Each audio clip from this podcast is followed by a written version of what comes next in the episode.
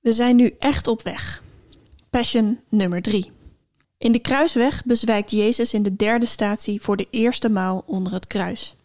En nu vertelt de Passion over meer dan alleen de kruisweg, toch voelt de vergelijking logisch. Want dit was de eerste keer dat wij beseften waar we aan begonnen waren. Tien versies van hetzelfde format en hetzelfde verhaal. En tegelijkertijd is het ook interessant om te zien wat er wel verandert.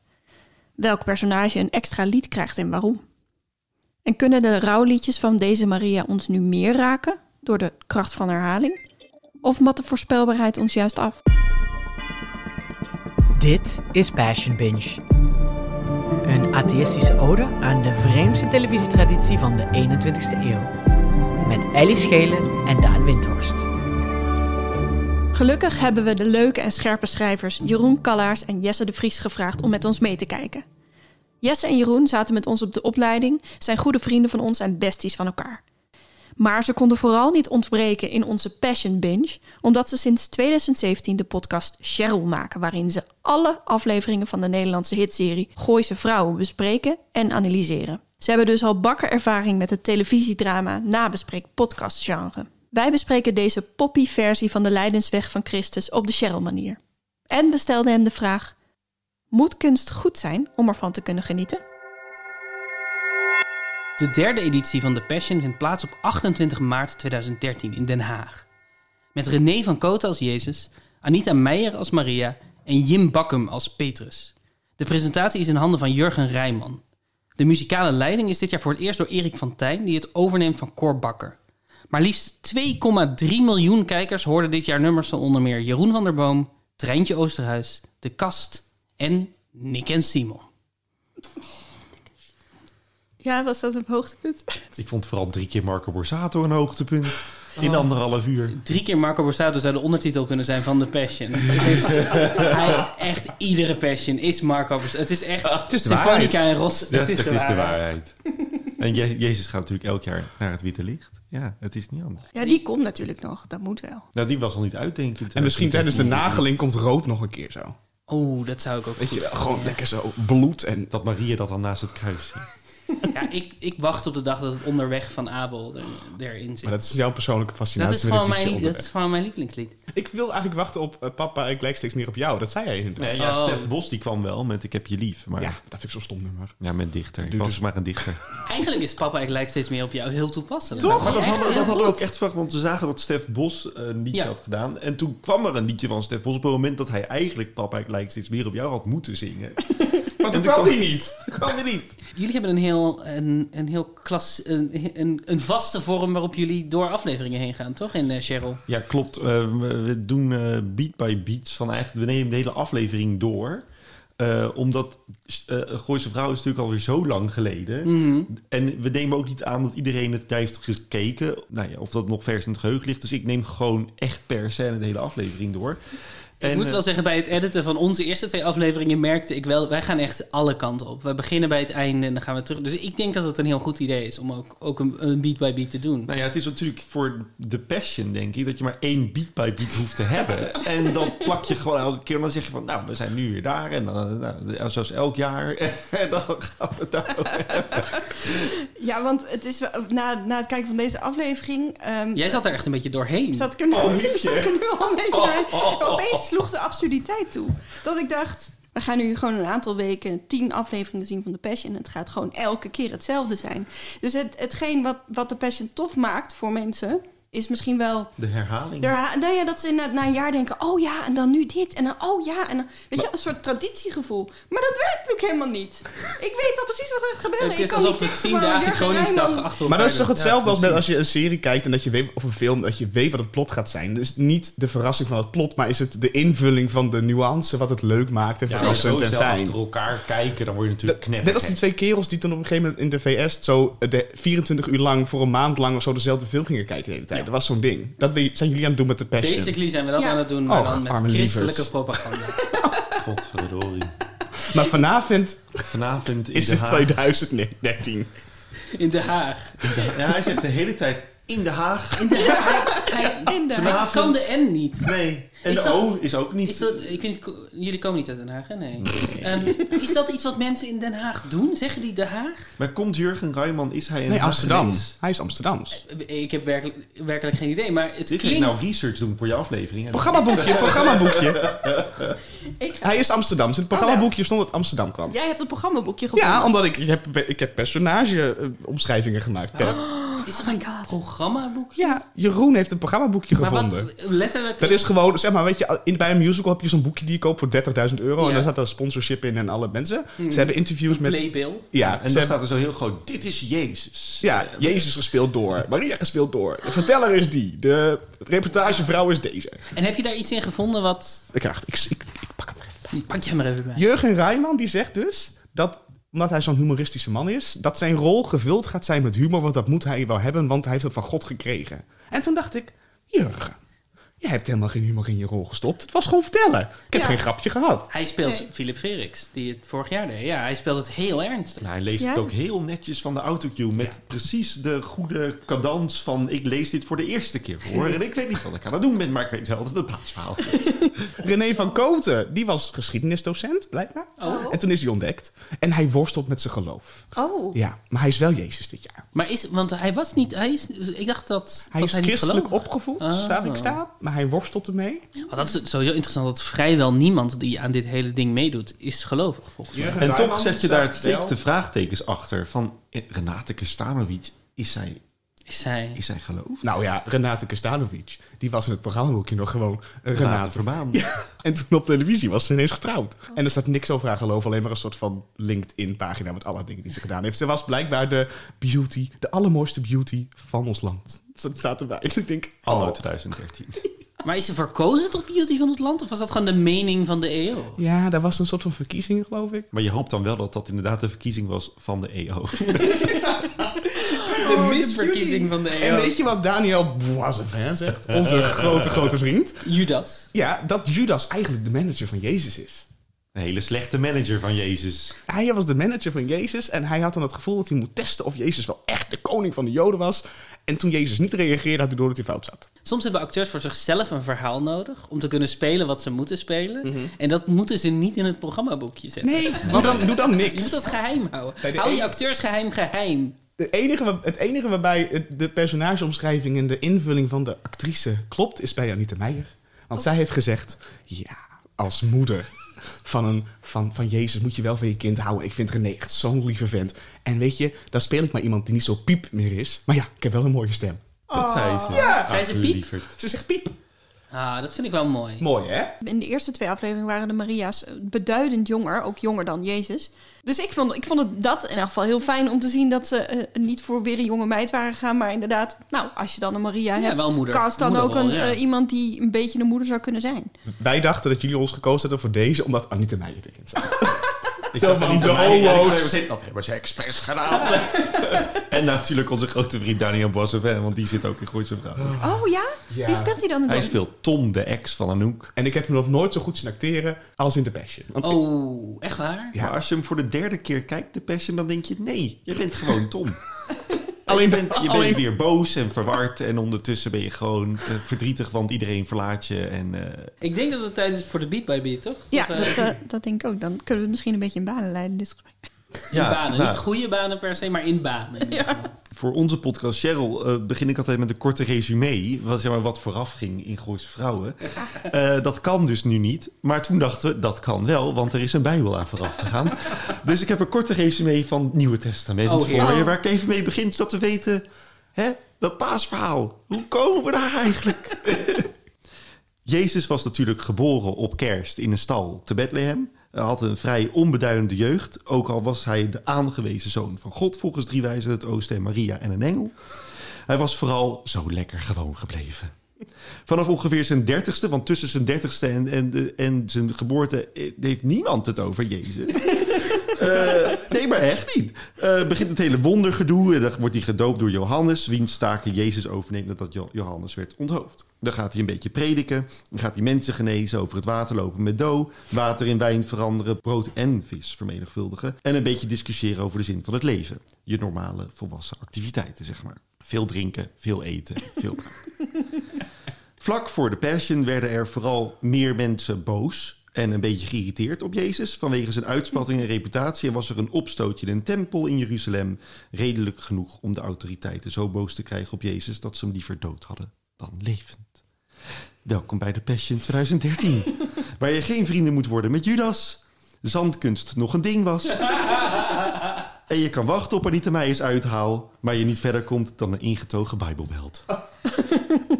Oh, heel mooi. Ik moet eerlijk zeggen, als, serieus, als de Passion hierdoor vooraf was gegaan, dan had ik het beter begrepen. Ja, ik zat wel echt op een christelijke basisschool en een middelbare school. Dus wij hebben wel echt elk jaar nou ja, dat hele riedeltje opnieuw gedaan.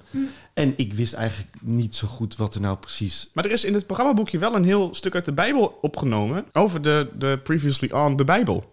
Ja, als goed christen... Weet je wat er aan de hand is? Ja, maar, ja, maar het is gemaakt om met nieuwe mensen te laten zien... dit is het verhaal, dit is ons belangrijke verhaal. Het is voor jongeren, voor mensen die niet meer weten waar paas over gaat. Eigenlijk is het gewoon een goede Michael Bay trailer. Gewoon heel veel boem, boem, boem, heel veel trommels. Heel, Heel veel bloed, explosies, lichten. En de inhoud komt later. Maar op het eind van de Passion weet jij toch niet bij God waar dit, o- waar dit hele ding over ging? Tenminste, er zitten drie zinnen tekst in. Ja. Het gaat over hoop, liefde en leven. Jurgen Rijman begon met zeggen dat het, dat het verrassend vertaald is naar het nu. Ja, dat schreef ik ook op. Het is zo raar. Het is niet per se verrassend vertaald. Zeker niet als je de eerste twee Passions hebt gezien, is er niks meer verrassend aan. Mag ik nog iets? Mag ik een, een vraag stellen voor misschien is die later? Mm. Wanneer speelt het zich af? Zeg maar, de, de- wat in het begin wordt er door Jurgen Ruima gezegd... we hebben het verhaal van vroeger vertaald naar 2013... Ja. En de, ondertussen stelt hij ook de vraag: zou Jezus in 2013 eh, hetzelfde behandeld en eh, bekeken worden? Wat hij dan daarna vervolgens letterlijk laat zien. Wat hij daarna letterlijk laat zien, maar ze hebben het ook over een soort van.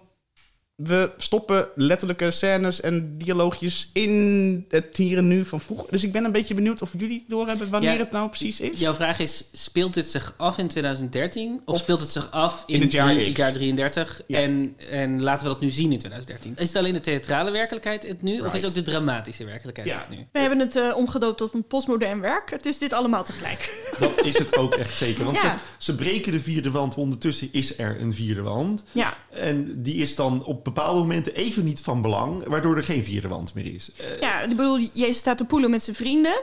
Ja. in een bar waar Marco Borsato wordt gespeeld. Maar ze spreken elkaar wel aan met u.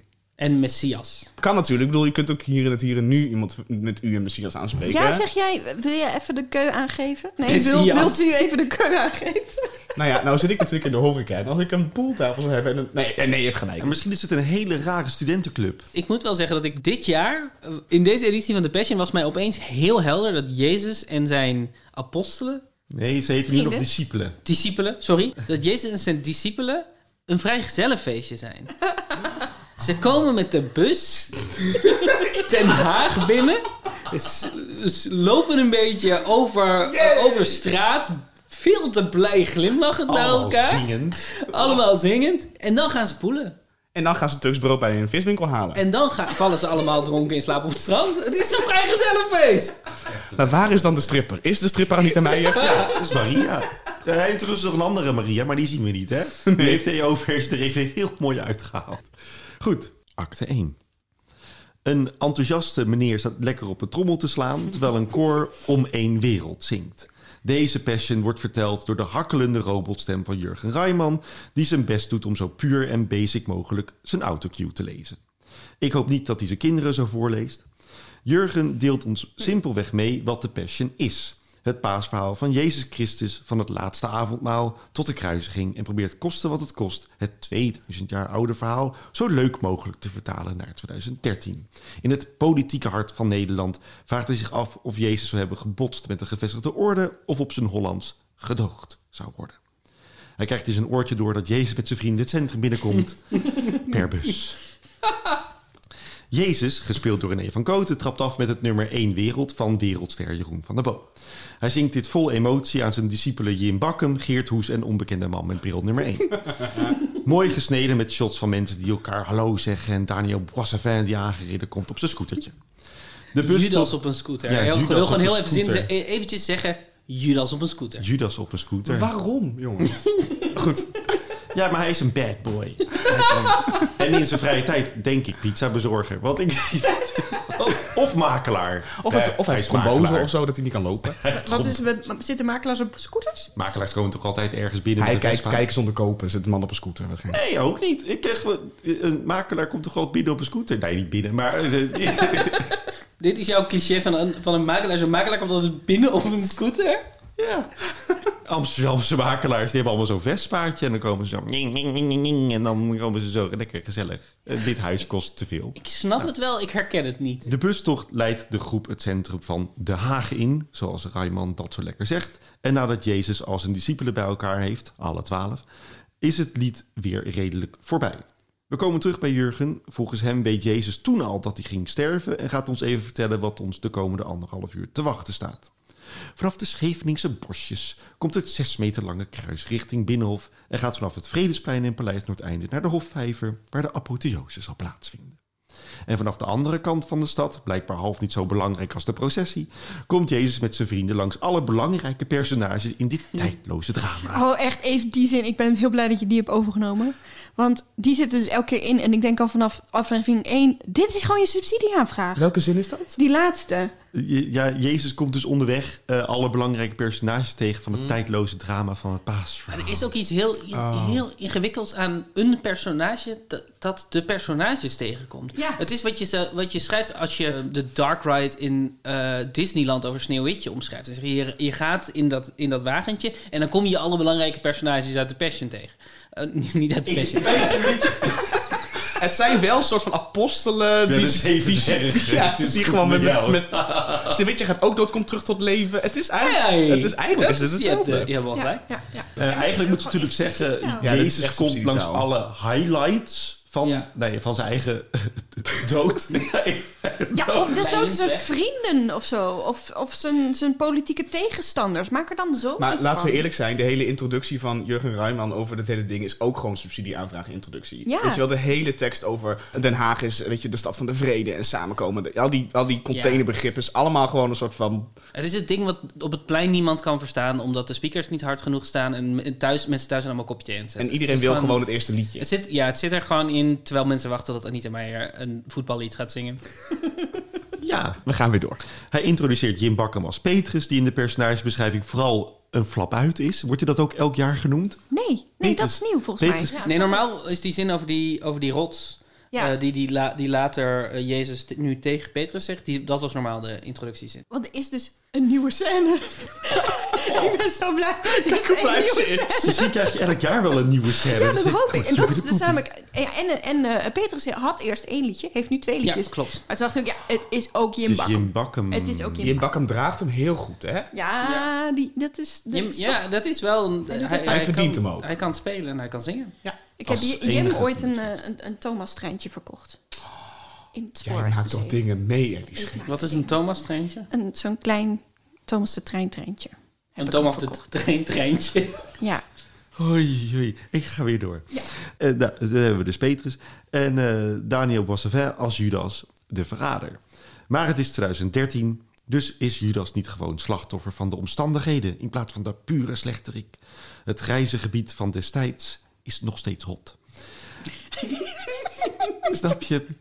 We gaan Ja. Pilatus nog ontmoeten later en nu is het woord aan Jezus' moeder Maria. Anita Meijer, moeder van de Nederlandse homocultuur, brengt schouder aan schouder ten gehore van Marco Borsato en Guus Meeuwis. Mogen we een heel klein stukje schouder aan schouder Oh, absoluut. Natuurlijk. Dit is dus, want dit is dus een voetballied. Dit is Marco Borsato en Guus Meeuwis samen, een duet voor het WK in, ik denk 2010. Maar ik vind het dus heel grappig dat ze dus, wat basically is bedoeld als een opzwepend, we gaan met z'n allen het voetbal winnen lied, dat ze dat een soort van super sentimenteel doet.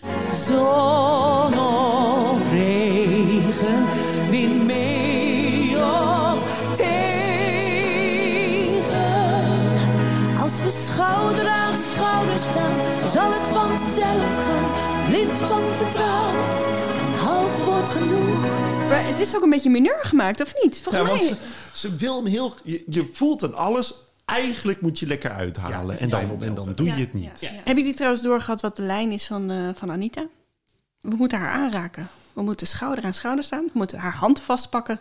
En we moeten... vast. Hou me vast. Alle liedjes die je in coronatijd niet mag zingen. Maar het is ook wel heel zielig, want ze is de hele tijd alleen op het podium. het is ook heel Oh, man. sneu. Is heel sneu. Ja. Ja, Oh, ik, ken, ik ken Anita Meijer helemaal niet. Waarom, waar moet ik ervan kennen? Why Tell Me Why? Oh, ja. Idaho, ja. Ze is eh, een gay cult. Nee, is cult. Ze is gewoon... Zij is de klassieker in elke gay bar. Ja, ik ken die nummers wel natuurlijk. Het is Maar ook ken je ze echt aan? Ken je ze ken- echt? Nou, luister, zo, zo, als een, als een cis-hetero man ze kan kennen natuurlijk. Het is toch andermans cultuur, die ik alleen maar van Ja, een afstandje kan eh, bestuderen. Ja, ik word er wel eens gewoon mee wakker in mijn hoofd. En aan met weemoed denken we terug. Ja, Aan maar de ja, tijden dat je we de kregen, we kregen natuurlijk zo'n box toen, toen we uit de kast kwamen. En daar zit gewoon... Met een brief? Zitten cd's van Anita in. Goed, ga door met je biep bij biep. Het sneeuwt alsof God Anita zag en zag dat het goed was. het publiek is ontroerd en Anita haalt de noten net of net niet door die kou en sneeuw. Een warming-upje voor mevrouw Meijer. In een biljartcafé waarvan ik de naam niet kan lezen, zijn Jezus en zijn kornuit aan het lachen en poelen en drinken. Jezus vraagt zich af wie hij is volgens de mensen. Dat is dus de nieuwe scène. Oh, dat is de nieuwe Dat scène. is hem. Nou, het is ook heel mooi. Nou, ik vond het dus wel heel fijn dat deze scène er was. Want dit zegt iets meer over waarom iedereen zo'n hekel heeft aan Jezus. Namelijk... Ja, Ja, nee, maar hij vraagt maar- natuurlijk wat de mensen, wat de mensen ja, wat ben ik? zeggen over Jezus. Ja, dat klopt. Wie ben ik volgens de mensen? Sommige mensen zeggen dat u Johannes de Doper bent. Ja, en anderen denken dat u Elia bent. Er zijn er ook die zeggen dat u een van de profeten van vroeger bent. Nou, en wie ben ik volgens jullie? U bent de Messias. Gelukkig ben jij mijn vriend. Ik zeg je dit. Jij bent Petrus, de rots. En op die rots zal ik mijn kerk bouwen. En mijn kerk, die zal er zijn zolang deze wereld bestaat. Een of andere jolige editor heeft toen bedacht... is het niet grappig als we hier als een soort van easter egg... het nummer van, van Jezus' nummer van vorig jaar onderzetten? Oh. Maar dat is, dat is zo hard gemixt... dat je eigenlijk meer naar Marco zit te luisteren... dan deze fucking dialoog. Ja, ik heb de dialoog even uitgeschreven. Oh ja, ja. Want ik, ik kon echt niet te verstaan. Ja, wie ben ik volgens de mensen? Dat is een moeilijke beginzin hoor. Van, vanuit een pooling, poolsituatie. We hadden het net gezellig, Jezus. Ja, Ja, wie ben ik volgens de mensen? Nou, en dan komt die GTST-acteur. Geert Hoes. Geert Hoes.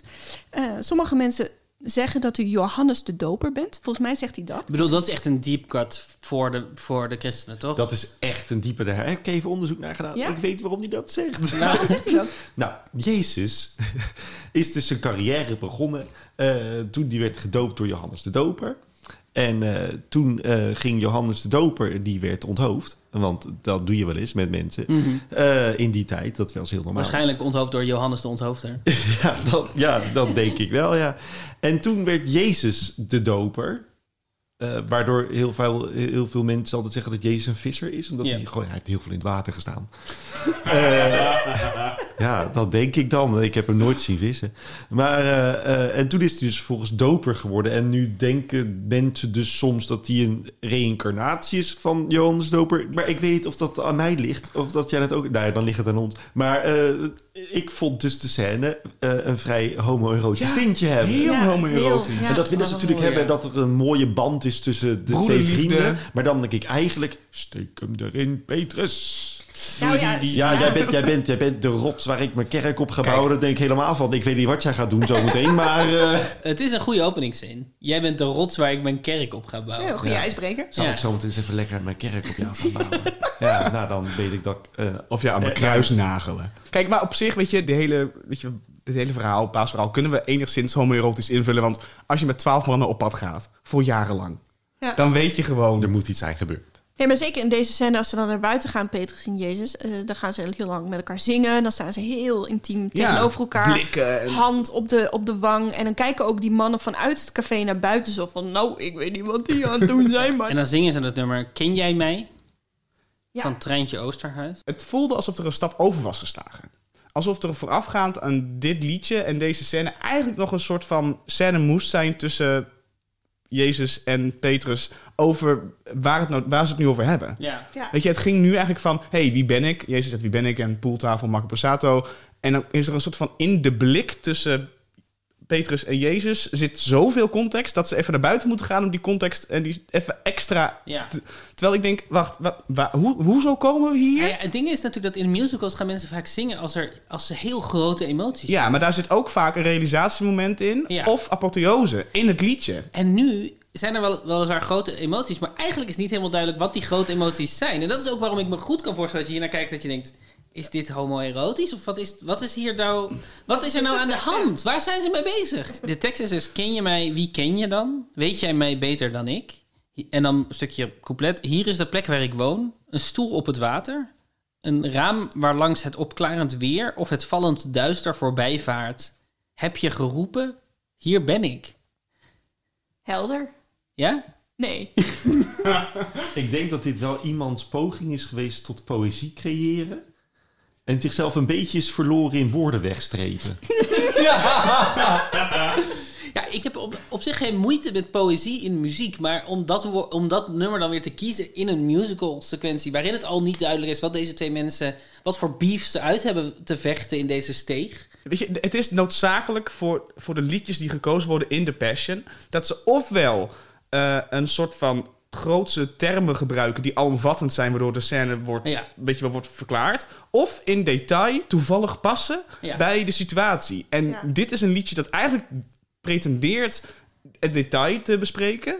maar alleen maar uit, uitstraalt grote woorden en poëzie... En, Ja. en één zin die misschien een beetje klopt... Ja. Waardoor, het, waardoor, het, waardoor de plank gewoon volledig mislaat. En waardoor de scène aan zich er mooi uitziet. En het gevoel komt wel semi over. Alleen wat het gevoel precies is en welke richting we opgaan. Ik heb bij god geen idee. Het is, ja, wat, ook, wat dus ook interessant is, is dat dit dus een nieuwe, een nieuwe plek voor is. Een nieuwe slot.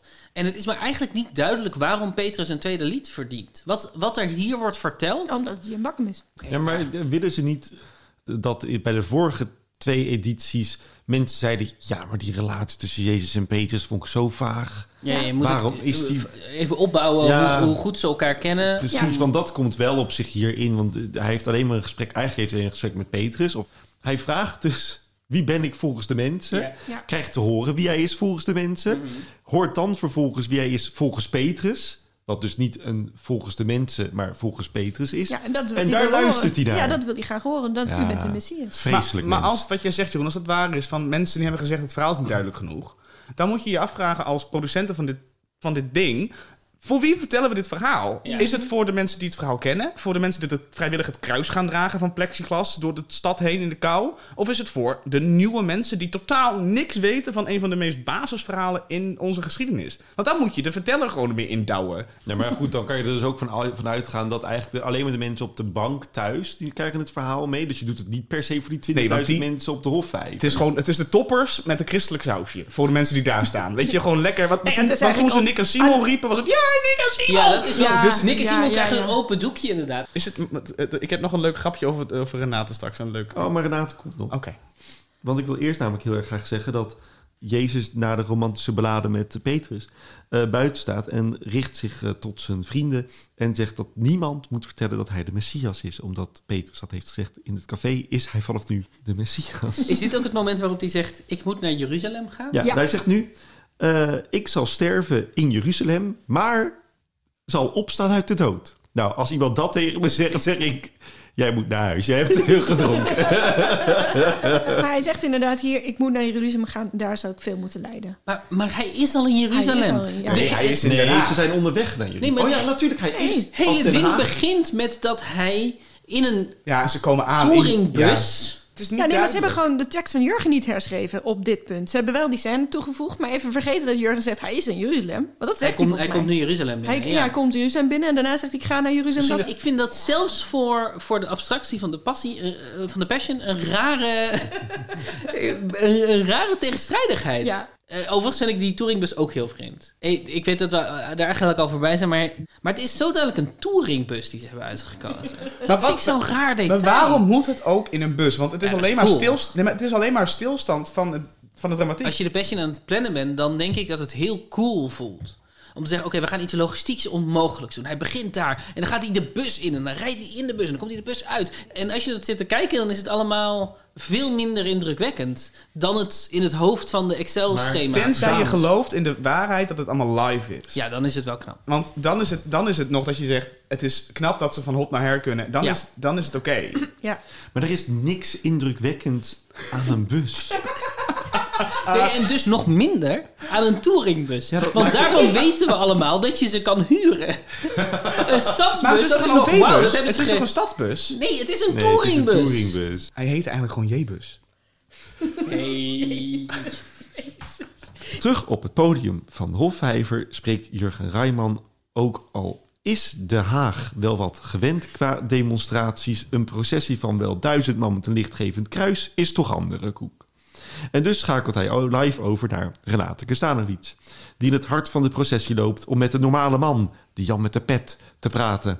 Ze heeft een nogal seksloos interview met een motoragent, een tekort interview met een meisje met een vluchteling en een moslimjongen die meeloopt uit respect. Wat wil je zeggen? Ja, jongens. Vroeger had je nog getalenteerde dames van televisie. Ja? Hoe oud ben je, Jesse? Heel lang geleden. Toen, toen had je...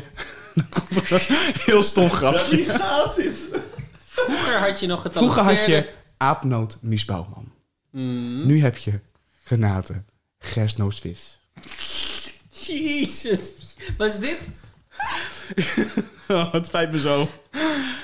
Ik wilde gewoon even een leuk luchtig momentje creëren. Ja, heel goed. Ik vind het heel grappig dat er in de wereld van de, de passion eigenlijk twee genders zijn. Namelijk eh, verteller en verslaggever. Maar ook, maar weet je, het domme dat, is... is dat altijd een man en een vrouw? Ja, tot nu toe wel in ieder geval. Maar, die, maar kijk, ik snap, ik snap het nut en waarschijnlijk ook de subsidieaanvraag. Ik maak er dan grapjes over. Maar het is een hele duidelijke keuze van het programma om een, om een, om een verslaggever te Ja. plaatsen. In eigenlijk een, in zo'n, in een route die niks uitmaakt.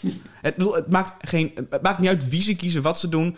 Ehm, maar dan kiezen ze nu voor een agent die niks te zeggen heeft. Waarvan, waarvan ze dus ook zeggen, er rijden twee motoragenten vooraan deze processie. Ik ga daar eentje, met eentje spreken en die zit ergens halverwege de processie. Want Die hij, hij, hij staat gewoon stil. Hij moet geïnterviewd worden. Dat kruis komt letterlijk aan hem Gewoon voorbij. langs. En het enige wat ze over hem zegt is dat hij vooraan aan de stoet is. En dat is niet waar. Het is, ik, weet je wat ik interessant zou vinden? Ik snap het idee van de interview, maar dan moet je het of goed interviewen. Vandaar het grapje, weet je, je hebt gewoon goede mensen die... Maar zij is gewoon niet goed in interviewen. Het is ook wel echt een ondankbare taak. Nee, maar dan moet je- je moet maar- hele tijd naar mensen komen en zeggen... hoe is de sfeer hier? Ja, maar er Wat zijn mensen met het het, het vluchtelingenmeisje Ja. is natuurlijk vooraf gewoon naar voren gelopen met een soort van. Maar dan moet je, moet je voorbereiden. Dan moet je zeggen: we hebben vier vragen. Dit gaat namelijk over de essentie waarom je hier bent, het geloof wat je verkondigt, de respect wat je voor andere mensen hebt en de liefde voor het project. Maar nu is het een soort van: vind je het leuk? Ja, oh wat fijn. Ja, ja, goed dat je meeloopt. Ja. Dat zegt mij niks. Je hebt, je hebt het gesprek natuurlijk met de normale mens. Hè? Jij gaat je misschien wel voorbereiden. Een heel moeilijk, in, een heel moeilijk antwoord en een essay. Maar die, dat meisje denkt gewoon... Ja, ik vind het Nee, hartstikke maar dat meisje leuk. vond ik dus super interessant. Alleen Ja. daar moet je dan de tijd voor nemen. Dan Ja. denk ik, Nee, zeker. Volgens mij is dat wel ook wat we daar zien ter verdediging van Kerstanovic. Ze staat bij een motoragent die enigszins langdradig antwoord geeft op haar antwoorden. Dan gaat ze naar degene die ze echt wil interviewen. En dan hoort ze in haar oor iemand zeggen... We moeten door, we moeten Ja, door, is- moeten door. Sure, is ook zo. Zullen we door? Bij een viskraam koopt Jezus van Judith Osborne een brood... en krijgt het tweede brood gratis. Of nou ja, hij krijgt denk ik alles gratis... want ik zie hem niet betalen.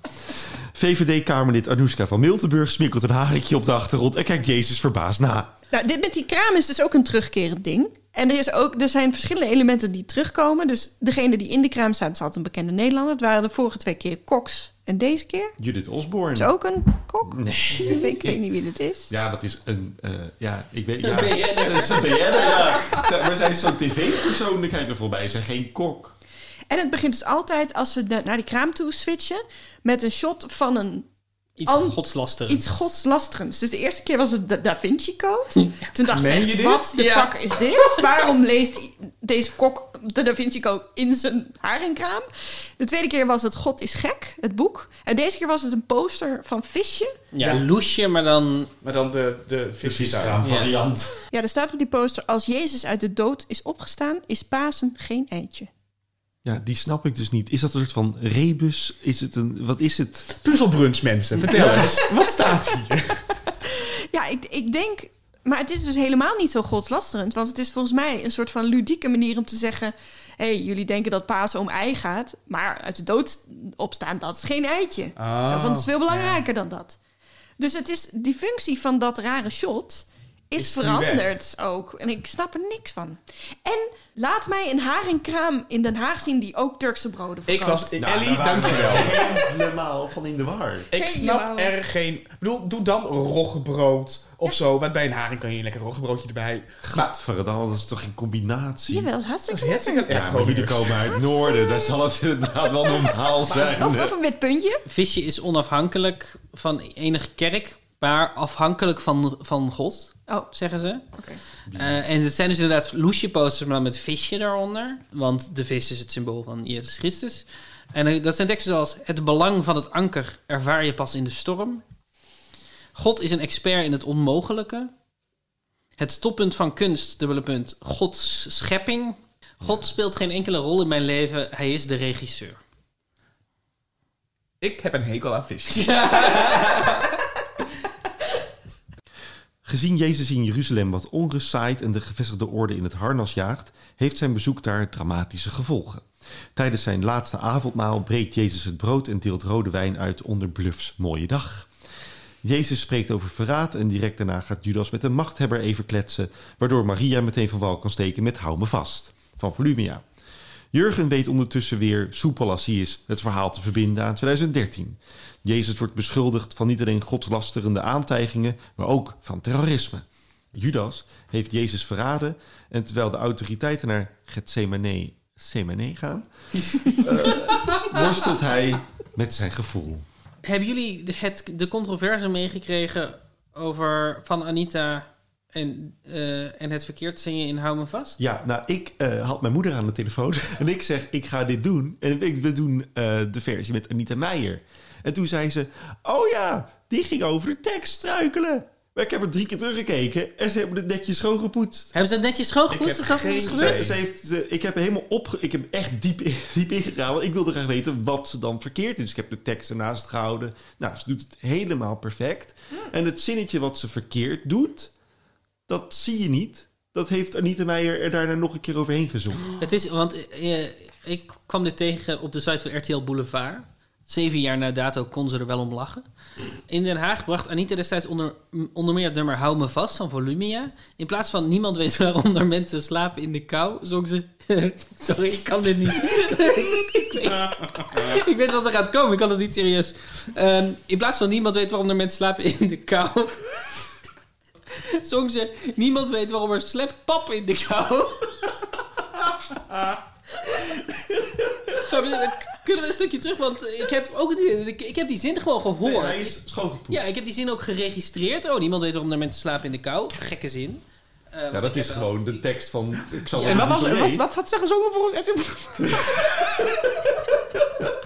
Niemand weet waarom er sleppap in de kou. Hé, maar dat is ook helemaal geen verspreking. Dat is een, een typfout. Dat is gewoon echt de autocue. Ze zongen typfout. Ja, Ja. maar ik, dacht, ik dacht dat je ging zeggen, iemand weet waarom. dat Nee. kan me nog voorstellen Nee, dat je een fout maakt. Dit is een John Travoltaatje met Indie Marcel. Iemand weet wel. Sleppap in de kou. Volgens mij heb ik de originele verspreking eh, gevonden op YouTube. Dus die stuur ik je even via WhatsApp. Dan kunnen we die ook luisteren. Niemand weet waarom de dood ons volgt. Niemand weet waarom er slept in de kou. Maar je zit, je zit ook hoofd omlaag. ga. Je zit er zo... Maar zie je, hier, zie je haar hoofd hier Je stem wel? hoofd hier zo omlaag. Dus ze hebben echt eh, eh, voor de herhalingen en voor de NPO startversie hebben ze een nieuwe edit gemaakt. Zou dit zijn waarom die niet op NPO start Ja, staat? dat denk Ja. ik dus. Maar, dan, maar ze hebben het schoongepoetst, dus ze kan hem makkelijk op NPO Start Ja. weer zetten. Want dat, is, dat, dat, dat hebben we nog niet in de podcast gezegd. Maar op NPO Start staat 2011, 2012, 2014, 2015, 2016, 2017, 2018, 2019, 2020. En deze niet. Ja, dat is enige. Is dat vanwege de sleppap in de kou? Dus wel. Oh, wat zielig. Er is hier iets aan. Dit is wat we nu aan het doen. Dit is niet lachen omdat ze een fout heeft gemaakt. Dit is gewoon lachen omdat er zoiets. Omdat het voelt alsof ze een beroerte krijgt. Alsof het, het is zo absurd, inderdaad. Het is een niet-menselijke Ja. geluid. Sleppap in de kou. Maar dit is, dit, dit is een smet op haar carrière geweest. Ja. Dan moest hij zeven jaar na dato nog interviews moest- over Maar geven. zij wordt hier dus nog steeds ja, naar gevraagd. Oh nee, echt? Maar dan denk ik juist, zet als NPO Start nu dan de schoongepoetste versie erop. Ja. En dan kan iedereen het langzaam vergeten. Ja, maar ja, ik, ik, pas toen ik ging researchen kwam ik hierachter. Want ik, heb het, ik had, had het niet meer her- herinnerd of eh, wat dan ook. Nee. Oh my Gaan we nu naar de treinen? Dan gaan we door naar acte 2, hè. Acte dos. Op Den Haag Centraal zingt Judas Ik kan het niet alleen. Het tweede nummer van Marco Borsato vanavond. Judas is boos en verward. En zo zingt hij ook. Uit onze rijke Gooise vrouwengeschiedenis weten we ook dat Boissevin daar niet heel veel aan kan doen. Jurgen bevraagt wat er in Judas om moet zijn gegaan. Is hij teleurgesteld dat Jezus geen Che Guevara is? Of is hij overmand door hebzucht? Of is het zijn lot? Wie zal het zeggen? Renate Gersanovic? Nee. Renate die iemand moet interviewen waarvan ze moet doen alsof ze die ter plekke tegenkomt. Maar die persoon nergens kan vinden in de menigte.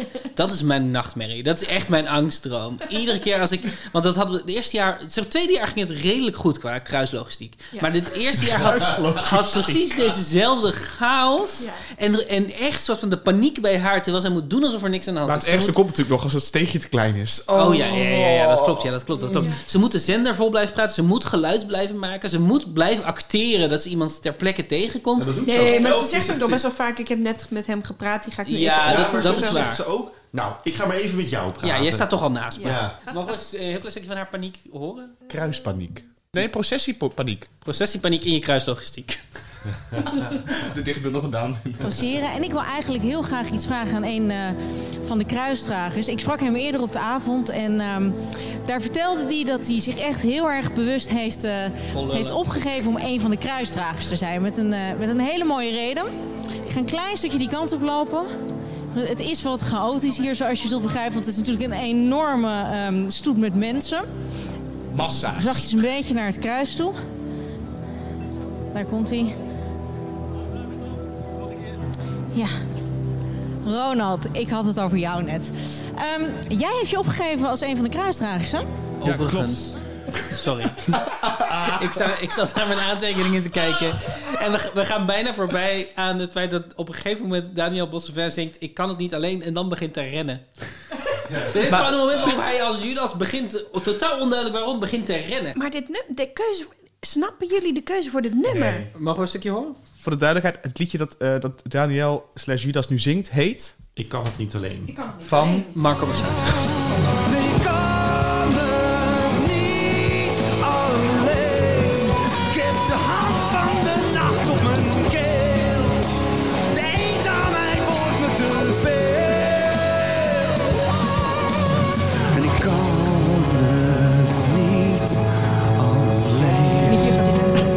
Ik snap ergens wel, het is een liedje na, na ja, de... ja, mooie dag voor de dood. Ja, nou, het gaat over het daglicht, over de zon die opkomt en zo. En hier gaat het over het donker en de, de nacht in mijn keel en dat, dat soort onzin. Ik snap- Nacht in mijn keel? Nacht in mijn nek. Ja, zoiets. Nou, de hand van de nacht. De hand op eh, mijn keel of om mijn keel. Oh. Ik snap daarin wel dat soort verzoeken van donker licht motief. Dat ze daarmee willen spelen. En allemaal prima. Ja. Alleen het liedje zegt het weer net niet wat het moet zeggen. Nee, het is net weer zo. Ik kan het niet alleen. Hij loopt net weg bij zijn vrienden. Maar dat kan. Hij kan als het spijt hebben toch op dit moment. Hij heeft gekozen voor het verraad van, zijn, van Jezus. Maar het is wel een genuanceerde verhaal. Ik, luister, dit En is bij daarna de komt ook... Maar het enige wat ik dacht is... Ik kan het niet alleen. Ik moet de ME erbij halen. Ik zou dan denken, oh, ze hebben dit nummer gekozen vanwege de sfeer van het nummer en de donkere thematiek van het nummer of zo. Ja, op een beetje een hardrock manier. Dat dat dan, Ja. dat is opstandig en, en de andere kant.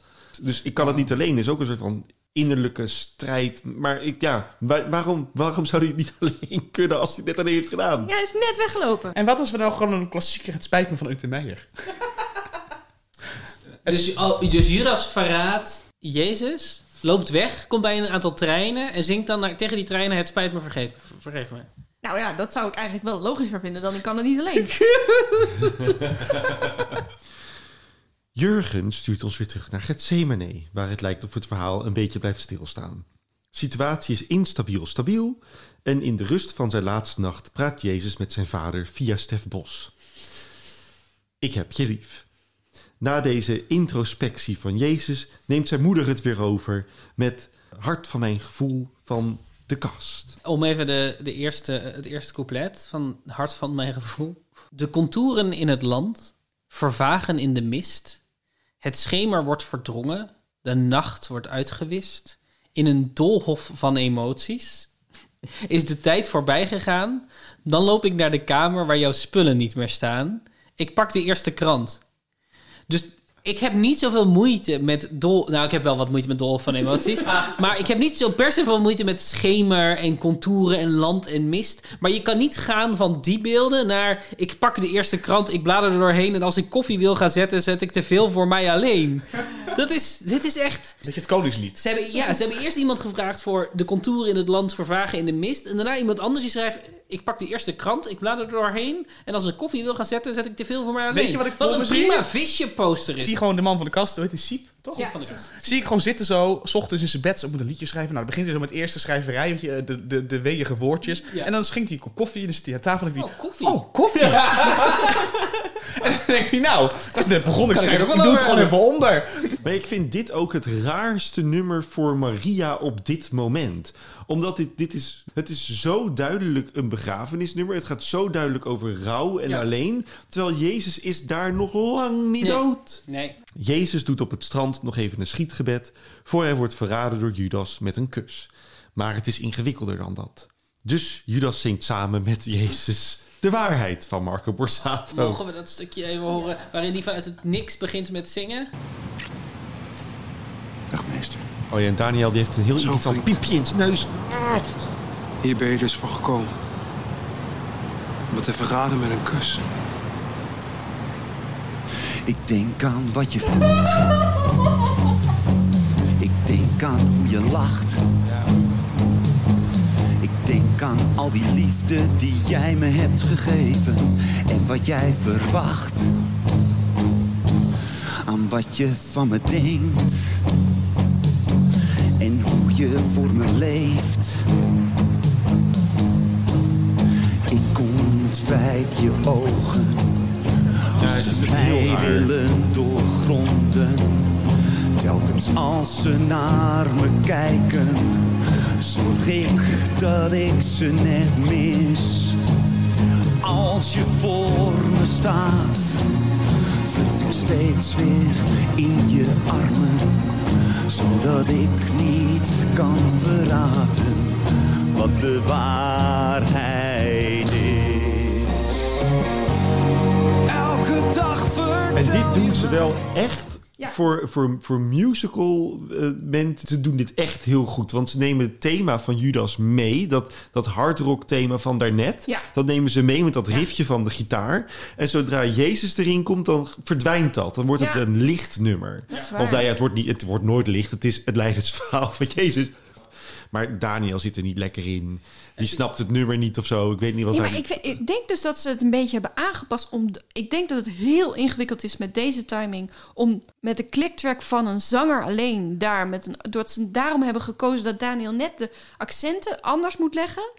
Maar we kennen dit nummer allemaal zo goed dat je denkt: wat doe jij nou? Wat zing jij nou? En dan pas als, als, als René van Koot het overneemt, denk Dan je: komt- oh ja, hè, hè, Ja, zo eindelijk, klopt het. Zo klopt het. tijd denken, zingen ze, is dit de, Ja, dat had ik ook. Is het, Is de, dit de is het de waarheid van Marco Ja, Borsato? ja, ja, ja, Ja. precies. Ja. En toen ging René en dacht, oh, dit is de waarheid van Marco Borsato. Ik, ik moest dus, zeg maar, ik vind het flauw als mensen zeggen: Ik hou niet van musicals, want ik vind het altijd zo stom als, als eh, acteurs opeens gaan zingen in een scène. Dat vind ik ook stomme, stomme... Stomme kritiek, toch? Maar ook omdat eigenlijk bijna altijd de muziek er al aankomt. En dan op een gegeven moment wordt iemand bijna meegenomen door de muziek en begint dan met zingen. In dit geval kritiek, 100% terecht. Ze, ze, ze spelen gewoon een scène, ze zijn elkaar heel intens aan het aankijken. En opeens begint Daniel Monseves zonder enige backing track gewoon met zingen. Jij had hem kunnen oplossen door hem dit eerste deel gewoon te kunnen laten bes- bespreken. Ja. En dan weglopen. Ja, en dat hij dan, dat René dan als een soort van smeekbeden in zingen uitbarst. Als En ze weten dat, dat die optie beschikbaar is. Want we gaan hier, hierna nog een acteur tegenkomen die zijn hele tekst alleen maar zegt en niet zingt. Ja, dat is heel knap.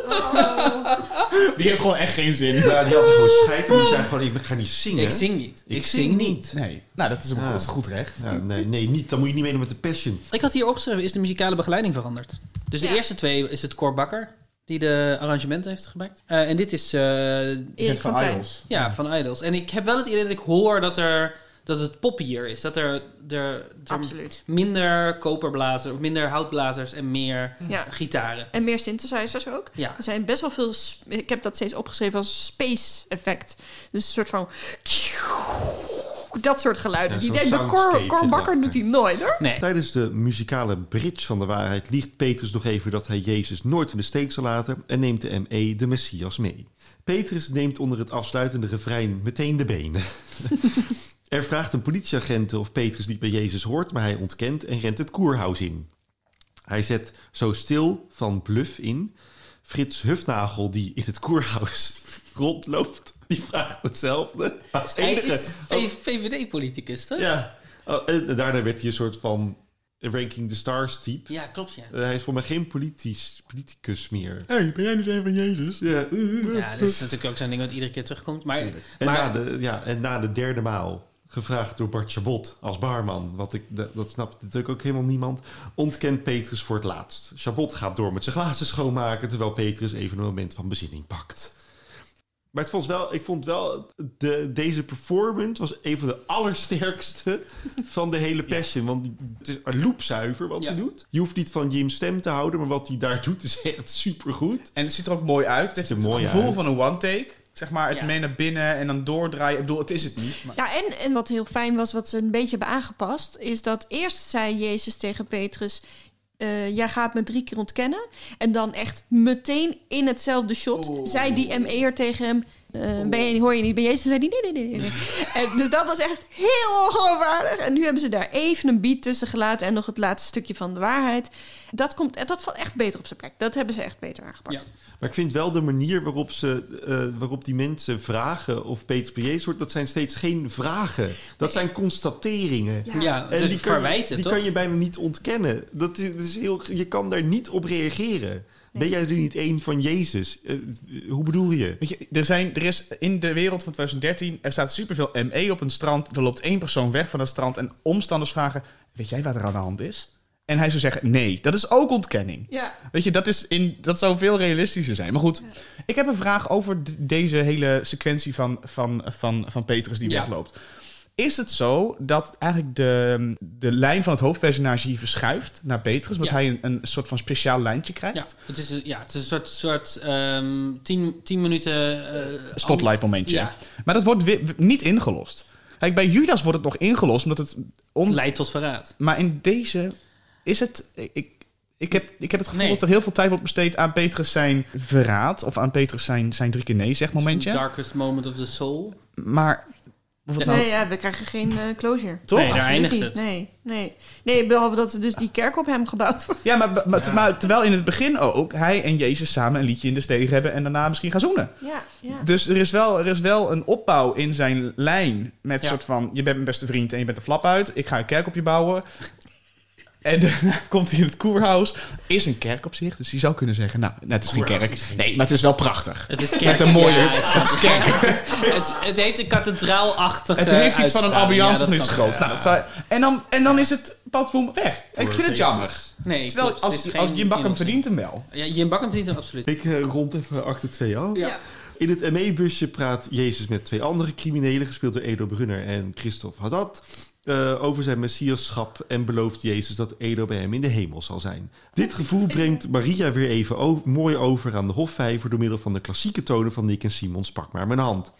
Na het laatste shot, mooi ingezoomd op de hand van Anita Meijer. Nou, eigenlijk eventjes ingezoomd op de hand van Anita Meijer, maar dan doet ze haar hand weg en dan is het ingezoomd op een stukje jurk van Anita Meijer. Pak, pakt Jurgen Rijman het weer over. Aan de hand van valse beschuldigingen en verraad van zijn vrienden is Jezus opgepakt. Iets wat in onze geciviliseerde rechtsstaat niet meer zou gebeuren. Hey. Toch? Ja, Jurg, het is me goed met je. nu hij twijfel heeft gezaaid op het plein, schakelt hij over naar Renate. Ze staat bij Noordeinde en vindt het allemaal ontzettend indrukwekkend. Ze heeft nog een niet-zeggend gesprek met de kruisdrager die ons uitlegt wat Pasen inhoudt. Daarna gaat ze naar Hans, die op sterven heeft gelegen, maar nou niet meer. En dat met ons deelt. Dat vind ik Maar zo... dat is- Dat, dat is- kan je niet vragen. Je hebt op sterven gelegen, nou, nou niet meer. En, ik pak een moment even. Dat is het, het hele ding aan Jezus is dat hij dood is gegaan en toen terug is gekomen. Dat verder niemand dat doet. Dan kan je niet Hans opvoeren, die ook op, op sterven heeft gelegen. Maar Hans is anders. Dat is heel simpel. Maar Hans deed het eer. We moeten Hans even een is- stukje Hans. Hans is eigenlijk de Messias. Niemand weet Hans, ik eh, heb u vanavond ook eerder gesproken. En dan vertelde eh, u mij dat eh, u heel ernstig ziek bent geweest. U heeft zelfs op sterven gelegen.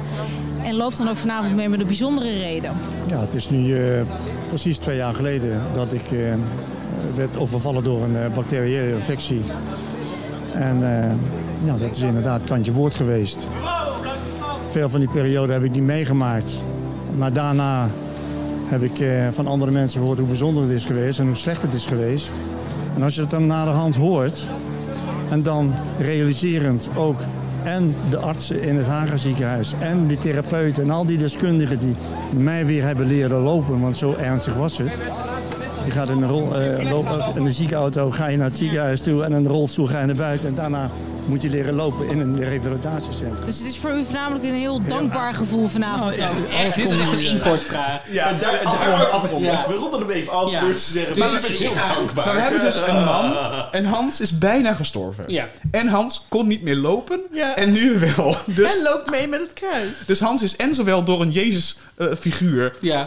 geholpen aan opnieuw lopen en is Jezus geweest. Ja. Hans is de passion. En- Hij, hij kan het is- alleen niet zo sexy Hij voor kan het alleen niet zo lekker. Nee. En je ziet Renate ook zo knikken zo. Ja, mhm, ja want dan kan ik inbreken. Maar ja. hij is de man met het interessantste verhaal wat ze heeft deze avond. Ja. En dan blijkt dus inderdaad weer dat er nu gewoon geen tijd is voor interessante verhalen. Dus het, het, eh, Renate Kerstanovic is de lul. Want als ze Ja. mensen vindt die niet interessant zijn, dan heeft ze te veel tijd voor ze. En als ze mensen vindt die wel interessant zijn, dan heeft ze te weinig tijd voor Ja, ze. of dan vertellen ze gewoon Maar het is, ik bedoel, we hebben allemaal wel eens mensen geïnterviewd voor projecten. Ja. Er, is niks moeilijk, er is niks zo moeilijk als mensen interviewen en to the point komen in één zin. Ja, Ja. totaal. Dat Ja. is gewoon niet te doen. Vooral voor mensen die niet gewend zijn om geïnterviewd te worden en niet in het vak zitten of zo. En mensen die het hebben over de meest traumatische ervaring van hun leven. Deze meneer die heeft op sterven gelegen. Die wil een bedankje brengen aan eigenlijk alle mensen die hem hebben geholpen. Dat is eigenlijk wat hij En wil doen. terecht. En, eh, maar hij moet er eerst even komen. Zo. Ja, en, en da- dan is het ook gewoon zo kut dat dit zo'n show is. Waar er gewoon geen tijd Klopt. is voor Het is- mensen het is om meer bijna dan drie jammer. zinnen te Nee, het is op het moment dat je denkt van, oh, de passion.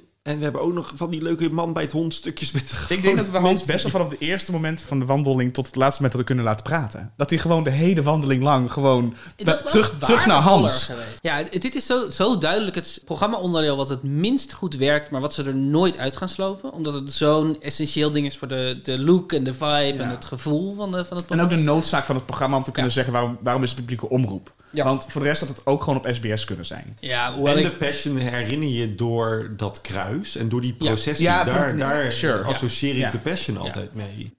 Jezus wordt uit de bus gehaald in een oranje overal. Hij is ook behoorlijk ineens aangedaan, kan niet meer lopen. Eh, en meneer Rijman die vraagt ons weer een van de vragen des levens. Want hoewel we allemaal zoals Jezus zouden willen zijn... denkt hij dat we meer als Pilatus zijn... die net zijn handen in onschuld heeft gewassen. Dan mag Pilatus, gespeeld door Tom Jansen, even los op Jezus.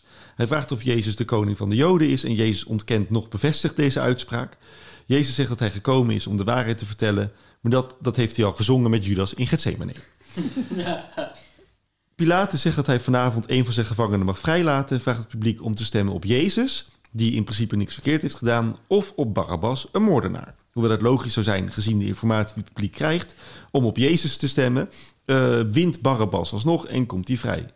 Terwijl hij verdwijnt, praat, zingt Pilatus met Jezus de Passion klassieker zwart-wit van de Frank Boeiengroep. Daarna vraagt Pilatus wat te doen met Jezus en het publiek roept eensgezind om hem te kruisigen. En hoewel Jezus niks verkeerd heeft gedaan, zoals we dat al een paar keer hebben vastgesteld, doet eh, Pilatus wat het publiek wil. Jezus krijgt een zwarte zak over zijn hoofd en wordt afgevoerd. De trommelman van het begin gaat weer los, terwijl het kruis dichterbij komt. Villa Volta-vibes groeien aan de Hofvijver. Ja. En wanneer het kruis is aangekomen, vertelt Pilatus dat we het kruisigen niet gaan zien, want dat is niet echt des 2013, en dat, we het, dat het buitenbeeld zal plaatsvinden. We horen iemand in het publiek volgens mij nog schreeuwen dat dat waarschijnlijk in het torentje gebeurt. Ja. Eh, Pilatus vervolgt dat hij wel op een redelijk grafische manier het proces van kruisigen even in detail gaat doornemen. Met hulp van de zandkunsttovenaar Gert van der Vijver. Wat ik grappig vind, want we staan aan de Hofvijver en hij heet Gert van der Vijver. Ja. Zodra Jezus is gestorven, mag Anita nog een moppie zingen. Terwijl ze naast het lichtgevend kruis staat. wat voor mijn idee niet kan, want daar hangt Jezus aan, brengt ze Laben nu toch niet alleen van Clouseau tegen horen. Daarna sluit Rayman de avond voor ons af. Hij blijkt zelf een beetje teleurgesteld dat het geen Hollywood happy end zou hebben gehad. En vraagt zich af waar het allemaal goed voor was. En of dit wel echt het eind was voor onze hoofdpersoon. Het antwoord en nee. René van Koten staat ineens volledig in het wit gekleed op een waarschijnlijk erg dure onderwaterinstallatie in het midden van de Hofvijver. Dan verwacht je eigenlijk een soort geweldig bombastisch nummer, een geweldig lied, een orenstreler. Wat krijgen we? De reprise van Pak maar mijn hand. En hij doet het niet alleen. Oh nee. De hele cast en wat rende mensen staan alsof ze met z'n allen hun groep 8 musical afsluiten met René mee te zingen en te klappen. Want je kunt het niet alleen. Ik hoop dat er nog wat van die rode wijn over was. Dat hebben we allemaal hard. To be fair, het moment waarop Jezus daar op dat water staat, helemaal al- alleen, echt midden op dat water, is een goed beeld. Het is heel Het is indrukwekkend. het beste beeld. Dat je hem Ja. eigenlijk niet Ja. ziet, dat is heel... Dit is echt wat je de e- eerstkomende dagen in de showreel ziet van alle mensen die eraan meegewerkt Ja. hebben. Maar daar heeft denk ik ook het 100%. grootste gedeelte van het productiebudget ingezeten. Want ze hebben dus een hele installatie Het is gewoon een moeten bouwen. stijger, Jeroen. Nou, maar dat is toch best wel veel gedoe. Gewoon een stijger gemaakt. Maar wat ik vooral heel zielig vind, zijn die koude, zijn die koude voeten van die vent. Ja, Je moet al zingen met koude voeten. ja het, het vroor volgens mij. Oh, dat Ja, lijkt nee, we hebben het Ja, al zien het sneeuwen. Ja. Ja. Jurgen Rijman heeft eh, zwarte handschoenen met eh, van die, eh, wi- zo'n witte duim, van die iPhone, witte duim en witte eh, Van die- wijsvinger. Dus, en hij heeft helemaal een zwarte jas. En het is heel slechte kwaliteit, deze opname. Dus ik zag het een soort pong-spelletje. Ja. Zo twee van die witte puntjes Ja, die zo ook, bewegen. Zo, Ja. Misschien heeft hij wel een duikpak aan, onder zijn witte pak. Dat het zeg maar nee, ook maar je is... ziet gewoon zijn, zijn huid. Ja, maar hebt misschien een broekie. Ja, dat zou Het is, kunnen. het is heel zielig. Laat- Het is heel Het is ook vier minuten. Ja, maar hij zingt. ja, dan ga jij maar vier zingen. minuten in de kou staan met nog eens een keer de introductie en het er vanaf. Dit is echt zo'n typisch stoppersmoment, lekker meezingen met z'n allen. Alle emotie die er uitgewrongen moet worden door de laatste scènes over is het gerechtigheid en mag het zo zijn en gebeurt het in de wereld. Dan proberen ze noodzaak en, en iets van dat je blijft nadenken erin te drukken. En dan eindigen ze met een showstopper met de hele cast en crew applaudisserend pak maar mijn hand zingen. Er blijft niks over van noodzaak, toch? Of ligt het nou aan Maar mij? dat is natuurlijk wel de boodschap van Jezus. Dat je altijd Jezus zijn hand kan pakken. Want Ja. eh, hij is altijd in de buurt. Het is geen probleem als je keer op keer jezelf wil bewijzen. Jezus Christus. Maar Via Je kunt het niet alleen. Maar je kunt het niet alleen. Hey, even over die, de kostuumchange van Jezus. Hij heeft Ja. natuurlijk de hele tijd zo zijn, zijn vrijgezellenfeestje kleren aangehad. Ja. Dan komt de oranje overal met een zwarte kap. Ja, Guantanamo Bay look. Right? Het is toch super hard terroristische Ja. connotaties? Ja, absoluut. Hij krijgt ook die zwarte zak over zijn dat is hoofd. heel bewust. Dat is heel bewust. Is dat Krijgt hij dat ieder elk jaar? Ja. Ja. Dus wat ze zeggen is eigenlijk terroristen Zijn Jezus? zijn Jezus? Dat, in, Of dat zijn terroristen Jezus? Vraagteken. Dat is wat Jezus ook zou zeggen. Ja, maar, maar Jezus werd ook op die manier behandeld, ook in de Bijbel. Ja. Zijn terroristen, hebben die dezelfde beweegredenen als Jezus had? Nee, hij, heeft, hij is een martelaar. Hij is gestorven voor... Dat is natuurlijk het hele eh, grote probleem dan. Martelaarschap in de, de terroristische beweging. Ik weet niet, dit is een te moeilijke discussie om voor mij om iets nuttigs over te zeggen, behalve dat het me opvalt. is en heel dat ik het, en dat ik het, en dat ik het ergens een beetje... Dat wordt ook gezegd door Jurgen. Van, eh, werd verdacht voor, van ra- daad van terrorisme. Ja, ja, klopt. Eh, godslastering. maar Ja. het is wel een rare vergelijking, ja. Dat ben ik met je eens. Hij is vooral zo heftig. Ik, vind het, moe- ik moet wel zeggen dat ik het eigenlijk een van de spannendste statements vind. Dus dat het, dat het een van de enige momenten is waarop ik Ja. vind dat ze hun visuele vertelling niet alleen maar gebruiken om een soort van kitscherig te vertellen wat we al weten. Om, om, of op, op een flauwe manier naar het nu te trekken. Maar dit is een, inderdaad, de look van, van Jezus daar is een, is een statement. Is deze man een terrorist? Zitten er onder de terroristen nu ook mensen, eh eh, messiassen? Eh, als de zoon van God nu naar de aarde zou komen, eh, dan zouden we allemaal wel weten wat we zouden moeten doen. Toch? Ja, maar dat is... Ja, dus dit is heel interessant. En dit is, de, dit is wat het programma mooi maakt. Ja. En dan komt Pak maar mijn hand. En, Nee, maar dat is toch, dat is toch, het is toch bijna jammer. Want als je dit zo zegt aan, dan heeft het programma heel veel te zeggen. Dan kan het heel veel doen Ja. en kan het veel teweeg brengen. En kun je gesprekken voeren. En dan komt Nick en Simon. hoe, eh, hoe komen jullie hier nou uit? Hoe, hoe hebben jullie dit, door, dit doorgemaakt, deze, deze, deze passion? Nou, ik had dus, eh, ik had je gemaild met eh de Passion zou me eigenlijk maar positief kunnen verrassen. Ja. Ik ben daar heel neutraal uitgekomen. Ik ben, ik, ik, ik, het is, was eigenlijk precies wat ik mezelf had voorgesteld dat het zou zijn. Dus het heeft me niet verrast op een, bepaald, op een bepaalde manier of zo. Dat ik dacht van, oh, het is eigenlijk veel leuker dan dat. Nee, het is eigenlijk gewoon een beetje een rommeltje. Het is zowel niet lekker wegkijktelevisie, als ook net niet slim genoeg metaniveau televisie. Dus ik weet niet zo goed waarom ik hier naar kijk. De hele tijd dacht ik, het- toen het begon met die trommels en was ik, oh yes, leuk, oh tof. En toen begon het, dacht ik, ja nee, nu is het al niet meer. Maar ik snap niet zo goed waarom het er is.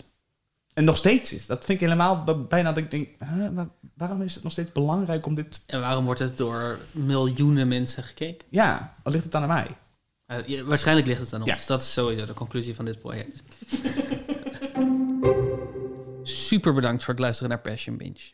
Ellie en ik maken ook Puzzle Brunch, een podcast waarin we elkaar opvrolijken met puzzels, quizjes en raadsels. Jess en Jeroen zijn ook te horen in Cheryl, een Gooise vrouwenpodcast. Te vinden in je eigen podcast-app en te volgen op Instagram en Facebook via @CherylPodcast. Hallo, ik ben Michiel en dit is Geel, een podcast over de kleur geel. Gele kussentjes, gele gordijnen, gele... Nou ja. Maar wat, wat wilt u weten over? Want geel is onze huisstijlkleur. Ik wil op zoek naar de essentie van de kleur geel. Ja, het geel is niet geel. Er is niemand die zeker weet dat wat wij als geel ervaren, dat het ook werkelijk geel is. Wat is geel? Het is zo moeilijk. Nou, ik, heb, ik ga even doorverbinden naar de marketingafdeling, want eh, ik ga er sowieso niet over. Dus een klein moment alstublieft. Wat mij betreft vat ik de complexiteit en tegelijkertijd de simpelheid van het leven samen. Geel. Geel. Geel. Geel, een podcast over de kleur geel. Jeroen heeft ons verlaten. Ja. Die had een, eh, een jarige boy. Als een Judas is die weggelopen. Maar gelukkig hebben we jou nog, de rots waar wij onze kerk op kunnen bouwen. Oh, dankjewel. Ja. Eh, Jesse, ik denk, dat dit, ik denk dat de eerste vraag een softball is, maar ik ga hem toch vragen. Eh, moet kunst perfect zijn om ervan te kunnen houden? Voor, voor het publiek of voor de, voor de maker? Nee, voor het publiek. Voor, Voor, het publiek. voor jou als... Nee, ja, als- natuurlijk niet. Nee. Is het ooit mogelijk om, om perfecte kunst te aanschouwen? En zo ja, zou je er niet krankzinnig van worden? Laat ik de vraag anders stellen. Moet kunst goed zijn om ervan te kunnen houden? Nee. Nee, toch? Nee. Ik denk, kijk, als we het in de context van de Passion doen. Had ik meer van de Passion gehouden als het beter was geweest? Ja. Ja, absoluut. Ja? Want nu zitten er zoveel haken en ogen aan dat ik niet eh, mezelf kan inleven in de personages of in het verhaal of in wat het programma probeert te vertellen. Mhm. Ik had het liever gehad dat het programma iets beter was, de, de performances beter waren, dat ik daar misschien iets meer mee kon. En, en eh, nu geniet je ervan met een, met een bepaalde gêne. Weet je, de, de, de momentjes dat het net niet lekker loopt zijn lekker. Is fijn. Ja, ja dat snap ik. En dat, Dus is, een en dat is lelijk kijken, toch? Dat is, dat is, dat is Leedvermaak kijken, Dat is leedvermaak ja. kijken, ja. Ik denk dan, dus we weten inmiddels dat er merken zijn zoals Zeeman en Vibra, die hun vormgeving precies zo maken dat het er goedkoop uitziet. Zijn er niet ook makers die zo shows in elkaar zetten? Eh, Ik ben natuurlijk, ik zit voornamelijk in de televisie. Ja. Dat is een beetje mijn, mijn straatje. Je zou kunnen zeggen dat er nu programma's gemaakt worden, dramaseries gemaakt worden op een Netflix of een Amazon of whatever, die, waarvan je kunt zien, het is niet gemaakt met de hoogste standaard van kwaliteit. Mhm. Het is voornamelijk gemaakt om snel geproduceerd en zo groot mogelijk en zoveel mogelijk mensen aan te spreken. Bijvoorbeeld? Eh, Riverdale, eh, Sabrina. Bijna alle reality televisieprogramma's zijn Mm. natuurlijk in die zin eh, vrij rauw in de randjes. Alleen, dan nog kun je zeggen, dat is wel een bewuste keuze geweest. Het is niet per ongeluk dat er... Weet je, in een dramaserie is niks per ongeluk. Het kan geïmproviseerd zijn, maar dan is het wel door zoveel handen aangeraakt... dat het weer goed gem- ge- gemaakt is en klopt in de code. Dus ik denk in de wereld van televisiedrama kun je het enkel hebben, en die term hebben, komt er nu in, over de guilty pleasure.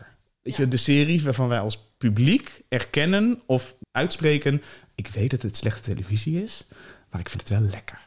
Is Gooise Vrouwen voor jou, voor jullie, is dat een guilty pleasure? Nee, ik denk dat waarom wij Grootste Vrouwen maken is. Jij vroeg ons toen wij hier, toen, om, om- waarom wij hier zitten ook, is deels voor de vraag. eh, jij stelde, je moet voor een project als Cheryl Gooise Vrouw podcast, moet je een bepaalde liefde voor het project hebben, omdat we zo lang en hard bezig zijn met elke aflevering in elk seizoen. Ja. En dat kost heel veel tijd. Ja. Ja. Eh, en we zijn, we zijn het er al, allebei over eens dat die serie verre van perfect Jullie is. zijn heel kritisch. op de We zijn heel kritisch. Maar dat komt voort eh, bij Jeroen uit een nostalgische liefde voor het programma. En bij Mhm. mij een fascinatie. En voor Jeroen ook.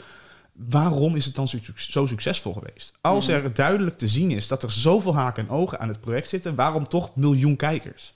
En, en even los van die miljoen kijkers. Werkt Gooise Vrouwen voor jullie? Kijk je het als analytisch object of kijk je het Zoals de Passion nu. voor de lol? Voor nee, lol? absoluut analytisch, als Oké. analytisch project. Maar we erkennen ook als we zeggen: dit is een hele goede scène. Mhm. En de luxe van dat we het nu al nou ja, eh, heel veel jaren doen, eh, is doordat we een gemeenschappelijke taal hebben gevonden en gemeenschappelijke ehm, regels hebben gevonden voor wat kwalitatieve Goorse vrouwen is, dat je dan ineens helemaal kan zeggen: hierom klopt het wel en dit is waarom het klopt. De dialogen zijn goed, het spel is goed, de, het is een, ze zijn niet stom aan het doen, ze zijn niet vergeten van het verleden. Dat maakt het dan weer heel erg fijn om door te praten. Want je weet, oké, deze keer hebben ze het onder controle. Dus dat is ook een beetje er naar kijken zoals... Ik heb altijd ooit over Saturday Night Live gelezen. Dat iemand zei... Saturday Night Live moet je kijken als sport. Dus je, je volgt je team. En soms doet je team het goed. En soms doet je team het slecht. Ja. En soms doen ze dingen en dan zit je te kijken en dan denk je... Wat de fuck doet mijn team? En dan kun je bij Saturday Night Live nog denken... het is improvisatie en het is on the spot gemaakt. Dus het gaat om ook... het is eh, letterlijk gewoon sport en teamsportwerk. Want er is gewoon... what you, what you see is what you get. Ja, ho- hoewel niet helemaal. Ze Niet- nemen wel een week Sure. de tijd om dingen er te maken. zitten maar ja. wel, maar de code is wel... er zit, er zit, er zit ruimte voor fouten... en er zit Ja. ruimte voor, voor het breken van, van de vierde wand. En een ding als Gooise Vrouwen... wat gewoon een klassieke dramaserie is... anno 2000, nou ja, zeggen we dat, 8, 19... dat is wel gemaakt in, in een veilige omgeving... van een set met, met draaidagen. Dus dan kun je altijd zeggen... de fouten die gemaakt worden zijn... of niet opgemerkt... of bewust gelaten. Of te duur om... Of om whatever. te- Ja, ja, ja, of gewoon slecht, slecht schrijfwerk of slechte Ja, regie. eh, Oké, hoe- eh, seizoen, welk seizoen zijn jullie nu? We zijn nu bij seizoen 4. Hoeveel zijn er? Eh, vijf. We moeten nog 12 afleveringen opnemen en twee films. Stel, we zijn eh, een jaar verder, Ja. twee jaar verder. Cheryl is in het verleden. Jullie hebben alles besproken en gemaakt. Ja. Zou er dan nog een moment komen waarop je het weer aan zou gaan zetten?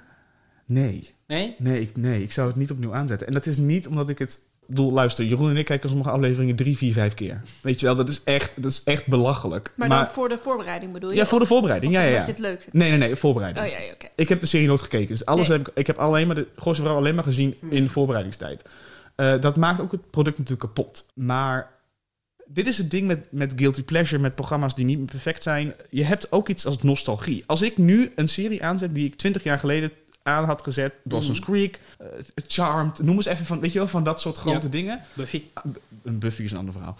maar als je dat nu, zelfs, nee, zelfs Buffy, de nostalgie heeft een bepaalde kwaliteitsmagie eh eroverheen gesprinkeld, Ja, weet het- je wel? Het, het, is een, het maakt... Het maakt alles beter. Ja. En als je het dan weer opnieuw kijkt, nu met een met natuurlijk met onze achtergrond vanuit de kunstacademie en natuurlijk met onze kennis en kunde en ook de kwaliteitsverandering van dramaseries aan zich, dan is de serie ineens veel minder goed. Ik luister jullie podcast, maar ik heb nog nooit één seconde gezien van Gooise Vrouw.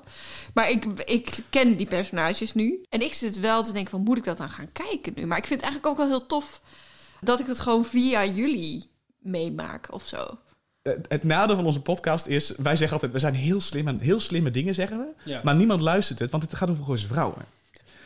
Weet je wel? Dus de dingen die we zeggen gaan heel veel over dramaturgie en over regie. En we hebben ook, we hebben ook een special over homo-representatie. Weet je, al dat soort dingen bespreken we vanuit de context Gooise vrouwen. Maar omdat het, het, het sausje Gooise vrouwen heeft, is het lowbrow television. En daar luisteren de mensen niet naar die we eigenlijk... Het is eh, als iemand die podcasts maakt van bijna twee uur over de passion, voel ik je pijn. En dat is ook een beetje dat we denken, wij zijn wel goed bezig, maar niemand heeft het door. Dus het is ook een beetje veilig. Nou ja, het, in die... Want ja. je gaat het niet maken over eh Hertenkamp. Nou ja, we zitten wel te denken over waar gaan we het er zo meteen over hebben. Weet je, Ja. welke, welke serie pakken we zo meteen? En eh, we hadden al bedacht, nou, we kunnen nog een Amerikaanse serie hebben of zo. Maar dat voelt allemaal net iets te ver van het bed. Weet je, het fijne aan Gooise Vrouw is dat het ook Nederlandstalig is. En dat Ja. het ook in een periode van RTL en Talpa en de opkomst van kwaliteitsdrama. En Ja, en het leuke is dat, dat jij dus een newbie bent en dat het voor Jeroen ook nostalgie is. Ja. En die wisselwerking is gewoon Terwijl heel Jeroen heel vaak zegt, ik heb geen idee meer joh. Ik heb echt totaal geen idee wat er gebeurd is. Nee, maar, maar je- merkt wel aan dat hij nog een soort liefde heeft. Inderdaad, die nostalgische liefde Ja, die jij niet Samen hebt. met zijn moeder hebben gekeken, dat, ja, dat soort dingen. Ja, en, maar dat heb je nu niet meer Nee. waarschijnlijk, zo'n serie. Gooise vrouwen en ik denk de passion in zichzelf ook zijn ook een soort van. ehm, het zijn dingen die stilstaan op de tijd. En die ook, wat heel leuk is om te zien, aantonen hoeveel eh, de kwaliteit van, nu specifiek op televisie, is veranderd. En, en dat is heel leuk om over te praten. En daarom is zo'n passion, ook wat jullie doen, heel interessant. Omdat je namelijk door de jaren heen gaat zien dat de blik op wat kwaliteitstelevisie is. En wat, wat goed televisiewerk is. Dat, en goede regie en goede. Dat, dat gaat mee veranderen. Ja. Omdat, omdat het publiek ook meegaat naar. Vroeger hadden we het allemaal over films. En op een gegeven moment kwam er een periode dat we het over televisie Ja. gingen hebben. En nu, het enige wat we het over hebben is welke serie kijk je. Ja, zeker. En de film, ja, dat komt er een beetje na, weet je wel. En dat gaat met, zo'n met de Passion denk ik ook in zoverre dat het nu natuurlijk geen dramaserie is, maar het is wel een dramatische vertelling op een eh, grote manier verteld. Ik denk dat je er wel heel veel over, op tv ook, dat je daar wel wat over kunt gaan terugzien. Het is zo grappig. Ik had me echt voorbereid op een. eh, dat dit gesprek een beetje een ode zou worden aan Gooise vrouwen. Maar ik heb echt overschat hoe, hoeveel jij en jullie van die serie houden. Het is veel meer een, een fascinatie dan dat het een, een liefde is. Dus. Eh, Als ik, ja, als ik voor mezelf spreek, absoluut. En oh, eh, laten we dan even kijken welk, waar we andere odes van kunnen maken. Kunst die niet perfect is of die misschien zelfs niet goed is. Kunst die niet goed is, maar waar je wel van houdt. Ja, dat zijn toch die reality televisie, hè, de series, hè? De, de Keeping Up with the Kardashians, wat Jeroen echt fantastisch vindt. Of, eh eh, heet het nou, The Real Housewives. Of dat soort, ja, dat soort walgelijke... En daar hou je van. Kheb nu heeft het over, nu het over houden van. Jij hebt. Ik, heel bewust Nee. heb ik het over houden van. Kijk, de term guilty pleasure Ja. is belachelijk. Mhm. Toch? Wat, wat, gebruiken jullie die term, eh, zeg maar, volle- 100% gemeend als jullie met jullie vrienden zitten van, nou, ik heb nu toch een guilty pleasure? Ellie? Ik heb hier een deel van mijn, eh, van mijn eh, eindwerk, mijn eindscriptie over Ja, geschreven. scriptie over de- heet de Guilty Pleasure, toch? Ja, en een, een van mijn essays in mijn scriptie ging over de guilty pleasure. En dat het eigenlijk niet bestaat, maar dat we het wel gebruiken als term. Je voelt je namelijk, als je er plezier aan hebt, aan het kijken, voel je je niet schuldig. Maar je voelt je dus schuldig over, of je schaamt je ervoor als je het gaat zeggen tegen iemand. Ja. Dus het is gewoon een soort indekken. Je schaamt je voor je kunstsmaak. Ja. Het is, het is een soort van zowel jezelf omlaag halen Mhm. in ik ben net zo dom als de simpele ziel die stomme dingen kijkt. Maar ik ben ook heel bewust van het feit dat het slechte Ja. televisie Ja, ja, is. ja, ja. Ik las, ik heb zo'n artikel van de van New York Times. Ik zal de link. Je hebt hem uitgeprint en meegenomen. meegenomen. Ze- Frankrijk kent de term guilty pleasure niet. Hmm. De Franse cultuur kent die term niet. Omdat het, namelijk het verschil tussen highbrow en lowbrow culture bestaat daar minder als in de Amerikaanse cultuur, waar de term vandaan komt. En, en daar hebben ze dat niet. Daar gaat het niet over goede cultuur of slechte cultuur. Het is gewoon cultuur. En natuurlijk zijn er, weet je wel, de pulpermannetjes en zo, maar het is niet, het is niet besmet met schaamte. Oh, dat is interessant. De New York Times heeft toen opgezocht waar komt onze eerste keer guilty pleasure als term voor. In een artikel over een bordeel. Over fysiek Oh, ja. slechte pleziertjes. Dus de term is eigenlijk, heeft niks te maken met goed, slecht of slecht goede televisie. Het is alleen maar toegeëigend door postmodernistische mensen die hebben besloten ook slechte cultuur. Want weet je, modernistische cultuur was allemaal heel groot en alles moet goed en kwaliteit gaat voor alles. En, Ja, ja, ja. en op een gegeven moment kwamen we op het punt dat we dachten, ja, maar ook slechte, of slechte of kwalitatief minder hoogdravende dingen mogen mooi zijn. En toen bedachten ze, oké, maar dan moeten we dat wel in gaan dekken. Want als ik namelijk Keeping Up with the Kardashians niet, als ik dat heel leuk vind, dan moet ik, maar ik lees ook Proust, dan moet ik wel eh, ver- verantwoorden dat ik dat ook lees. Ja. ja, het is een manier om te kunnen genieten van volkse kunst. eh, zonder dat je je eigen identiteit of je status hoeft te verlagen tot volks. Heb jij guilty pleasures? Dan?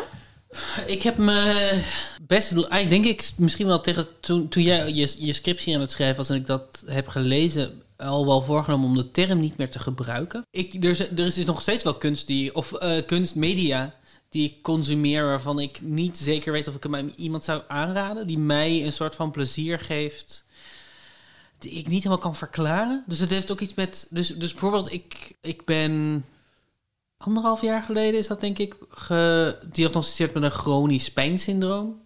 Ik vertel dit aan jou, Ellie, maar jij weet het wel.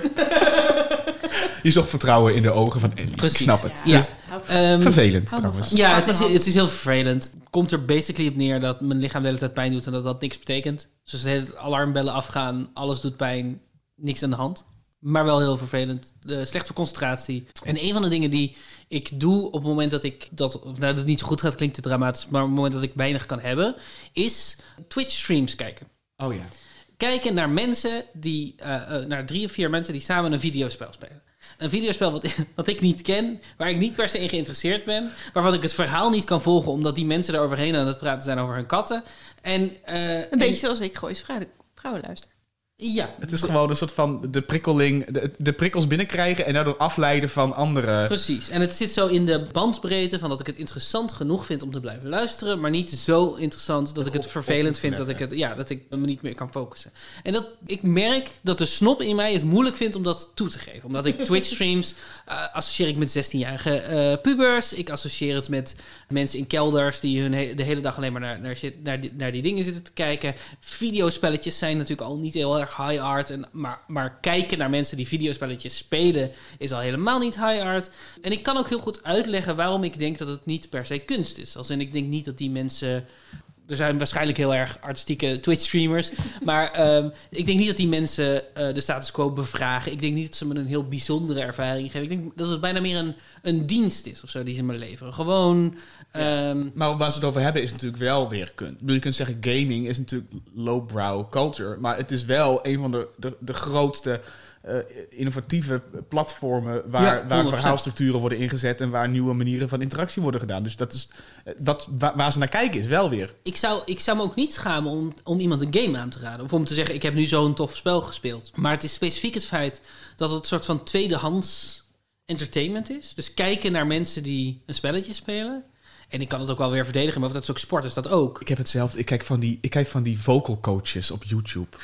Hè? Wat ja, zijn dat? Ja, dat zijn mensen die reageren op zingende mensen. Oh ja. Oh, echt? Ja, dat vind ik zo fijn. Oh, dit is een nieuw fenomeen voor mij. Dit ken ik niet. Dat zijn gewoon van die, ja, van die, van die vocal coaches. En die gaan dan een video kijken die ze aangeraden hebben van fans. Van Sia of O'Gene of Mariah Carey.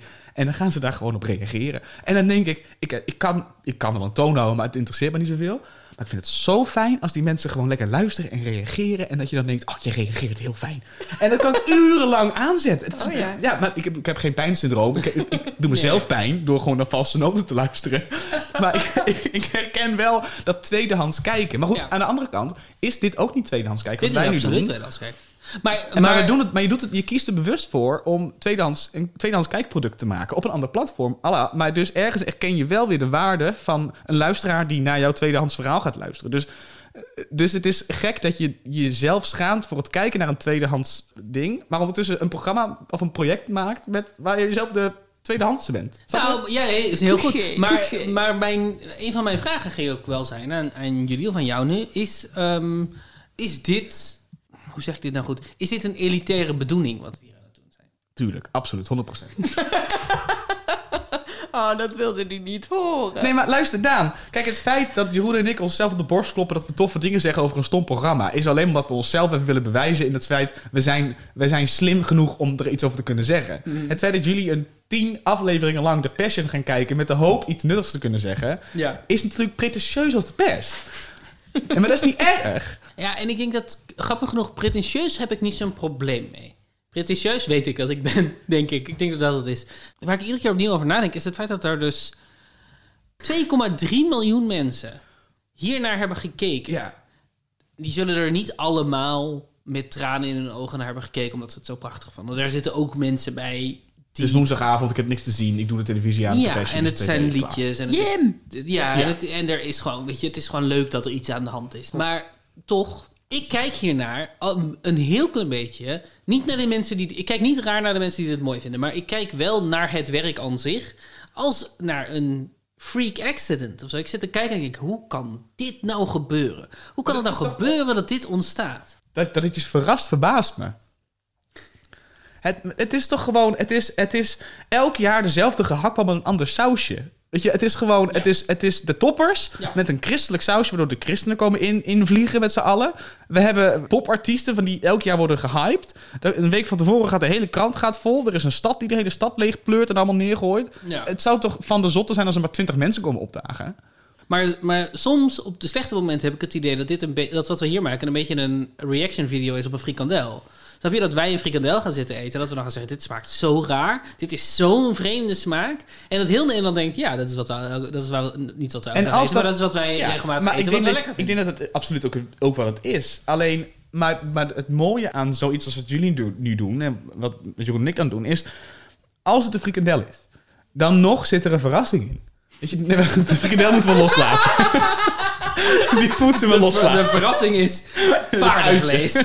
Nee, wat ik denk dat er deels aan de hand is, is dat wij eh, als schrijvers allebei, en jullie allebei ook, eh, heel erg kijken vanuit het narratief. En eh, bij Goois Vrouwen valt er ook echt iets voor te zeggen, want dat is een dramaserie, dus dat leunt voornamelijk op, op het narratief. En een beetje op humor, en een beetje op spel, en een beetje op Herkenning. mooie lichamen of zo. En herkenning. Maar ik ging natuurlijk ook een beetje in van wat zou ik kunnen leren van The Passion? Waarom doet dat het zo goed? En mijn conclusie is toch echt wel dat voor heel veel mensen het narratief niet zo heel veel uitmaakt, denk ik. Want het narratief gezien is The Passion een rommeltje. Maar muzikaal gezien, eh, en daar komen wij ook vaker op terug, Ja. eh, dat muziek iets met je doet. En zeker muziek die je al kent van vroeger, Mhm. die nostalgische waarde erbij. eh, die kan je soort van in je ziel raken. En ik denk dat daarom mensen kijken. En natuurlijk de, de BN'ers. Maar dat als je geraakt wordt, dan word je niet geraakt door die dialoogjes. Dat geloof ik echt niet. Ik geloof niet dat iemand bij die misdadigers op, in die in politieauto Nee. Denkt... nee, nee. Oh, oh, wat mooi. Nou, misschien wel wat mooi. Of wat, wat zegt hij dat mooi, hè? Dat hoor ik iemand nog wel zeggen. Maar ja, nee, de tranen komen bij de, bij de liedjes.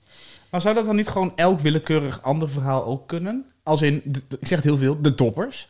Door als jij de toppers hebt en Gordon gaat, eh, pak nu met mijn hand zingen in zijn eentje. Zou je dat niet net zo geraakt kunnen worden? Of wel zelfs meer, omdat er geen eh, opsmuk van eh, narratief of semi-narratief omheen hangt? Ja en nee, want ik denk wel, wel dat het gekaderd is als dit is het Bijbelverhaal en deze man zingt nu alsof hij Jezus is. Dat, ge- dat geeft niet een narratieve, maar wel een contextlading. Waardoor je wel, als je een band hebt met Jezus, dat je dat erop kan plakken. Dus dat je alle momenten dat Ja. je Jezus nodig had in je leven, of dat je, weet ik veel, Ja, en eh, je- dat je dan een soort van dat bij elkaar brengt. En- Net en- zoals dat je met, met liefdesliedjes, weet je wel, als het net uit is met je, met je geliefde en je luistert een liedje en je denkt, oh, dit gaat over mij. Dat. En het- Maar dan over- misschien moeten we, wat jij ook zegt, misschien moeten we niet vergeten dat, ik bedoel, voor ons is de Passion dan één dag in het jaar dat we de Passion kijken en dan is het klaar. Maar voor mensen die in het, in het, in het geloof zitten, is, de, is er een aanleiding naartoe en zijn de weken vooraf gegaan en is het ook een, een gevoel dat je jezelf weer toe-eigent en het offer wat Jezus gaat brengen, dat ga je voelen en dat de Passion dan misschien juist het, het kersje op de appelmoes is. Dat je dus extra voelt en extra geraakt wordt. Het is ook representatie. Dus we hebben het natuurlijk heel veel over representatie van minderheden op televisie. En over hoe belangrijk het, het is om jouw verhalen verteld te zien worden. En hoewel Nederland nog steeds een, een christelijk land is, denk ik. Is het niet zo dat de meeste van onze media heel christelijk zijn? En het christendom wordt niet heel veel gerepresenteerd in mainstream media. Dat wordt best wel in een hoekje gestopt. Juist met muziek ook. Ja. Overigens, weet je, dan kom je in gospelhoek terecht. Ja, Of, of de Christ, of in, de, eh, de, de, de, de, de Christ Rock of zo. ja, de- die, die, ja, eh. De vraag aan mij was, eh, perfecte, perfecte kunst, bestaat Ja. perfecte kunst? En eh, hebben jullie dat wel dan voor jezelf wel eens bevraagd? Wat, is, wat zou perfecte kunst zijn? Kijk, wat natuurlijk heel ingewikkeld is als je eenmaal op de kunstopleiding komt, dat je constant bezig bent met de vraag: is, is dit goed? Over je eigen werk, omdat je angstig met je uitgeprinte tekstjes naar de les komt en dan denkt: is dit goed? En over alles wat je ziet. Zeker in het eerste jaar dat je op de schrijf- of de theateropleiding zit en je gaat theater kijken, dan denk je over alles: dit kan ik beter. Dat is niet waar, maar dat is wel hoe je. Dus, dus vanaf het moment dat je een kunstenaar wordt of een theatermaker wordt, ben je bezig met: is dit goed? Is dat een vraag die je nog steeds, is dat jouw vraag die je nog steeds stelt? Is Nou, dit goed? Ja, over bijna alles wat ik kijk, is dat in ieder geval het gesprek in mijn hoofd. Mijn vraag is namelijk, waarom is het gemaakt? En dan is, is het goed een van de argumenten waarom. Mhm. Want ik ga ervan uit dat iets goed is, want het is gemaakt. Het is in ieder geval, er is ergens is er dus... Dat is interessant. Bij mij is de kwaliteitsvraag is, waarom is het gemaakt? Ik snap, ik snap die vraag. Nee, ik ben echt. ehm, Wat gaaf. ik, heb, ik ben gewoon getraind om, om kwalitatief te oordelen.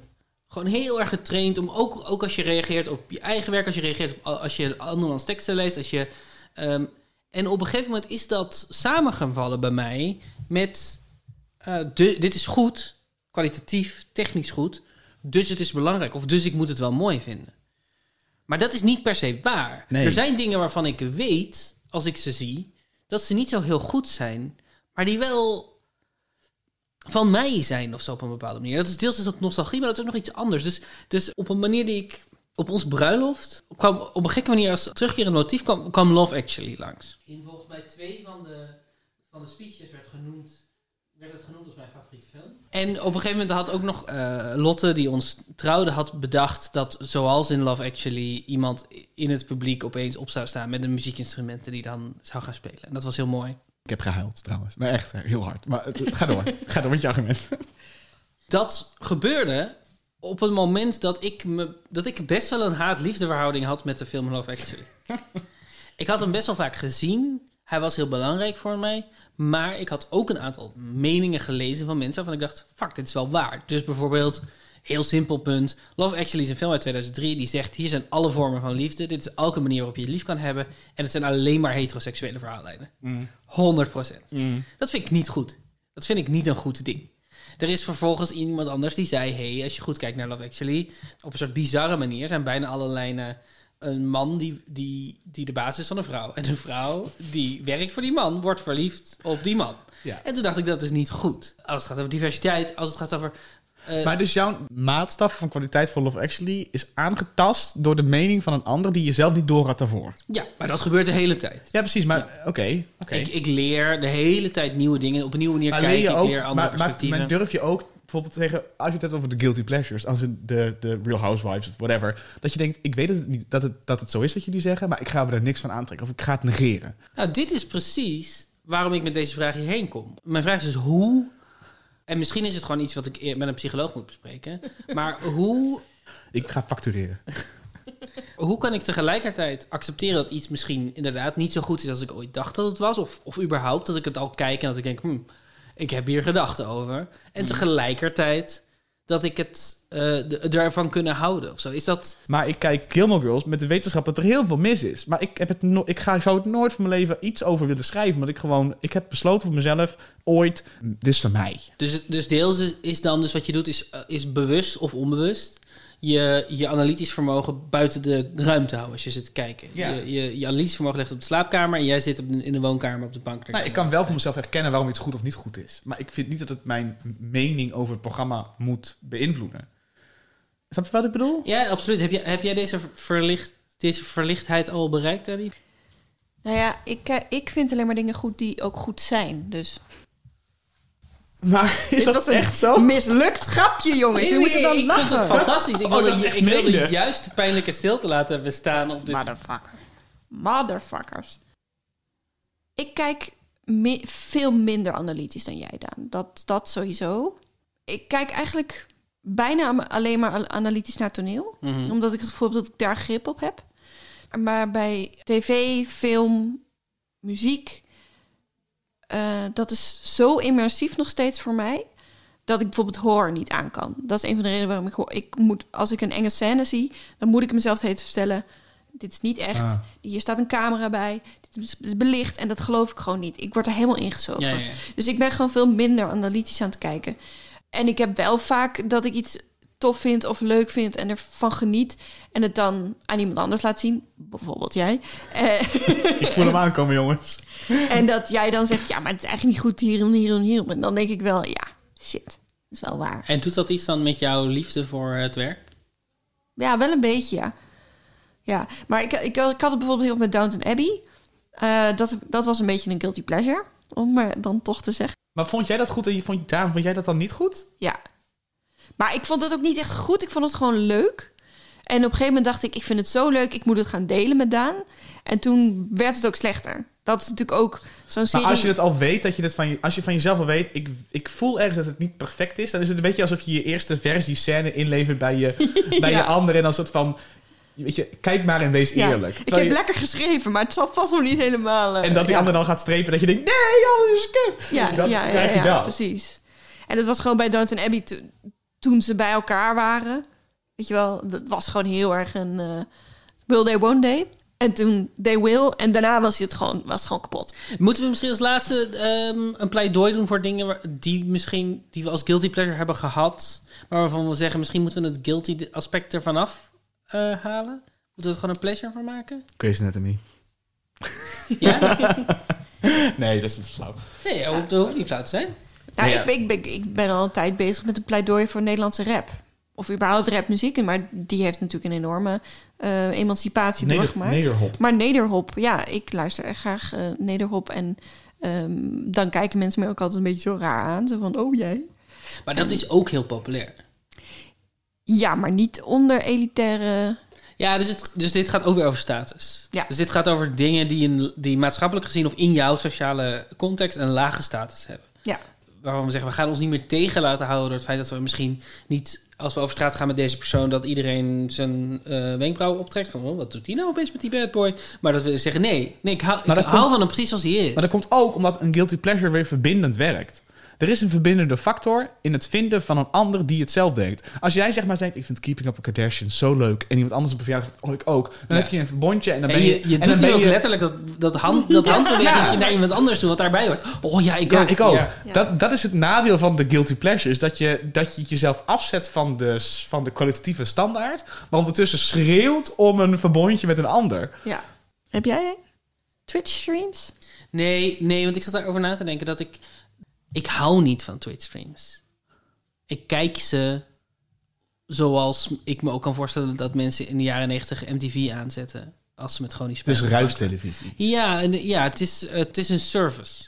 Ontspannende yoga muziek. Maar je moet wel een keuze maken. Om te, je hebt, in Twitch moet je wel mensen volgen en kijken. Je kunt niet zomaar iets aanklikken. Nee, dat klopt. Dus, er het kost je wel moeite. Ja, dus het is wel bewust. MTV zet Ja. je aan en dat gaat.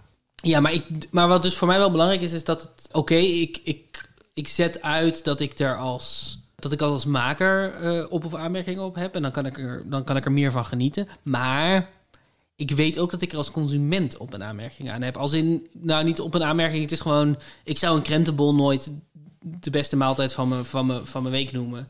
Eh, ik kan heel erg houden van een krentenbol soms, maar het blijft een krentenbol. Tot je honger hebt. Frik, frikandellen en krentenbollen. Het is, En gehaktbal. Ik had ook al Ja. gehaktbal. Iets met eten. Ik heb niet direct een antwoord. Nou, jawel. Romantische comedies.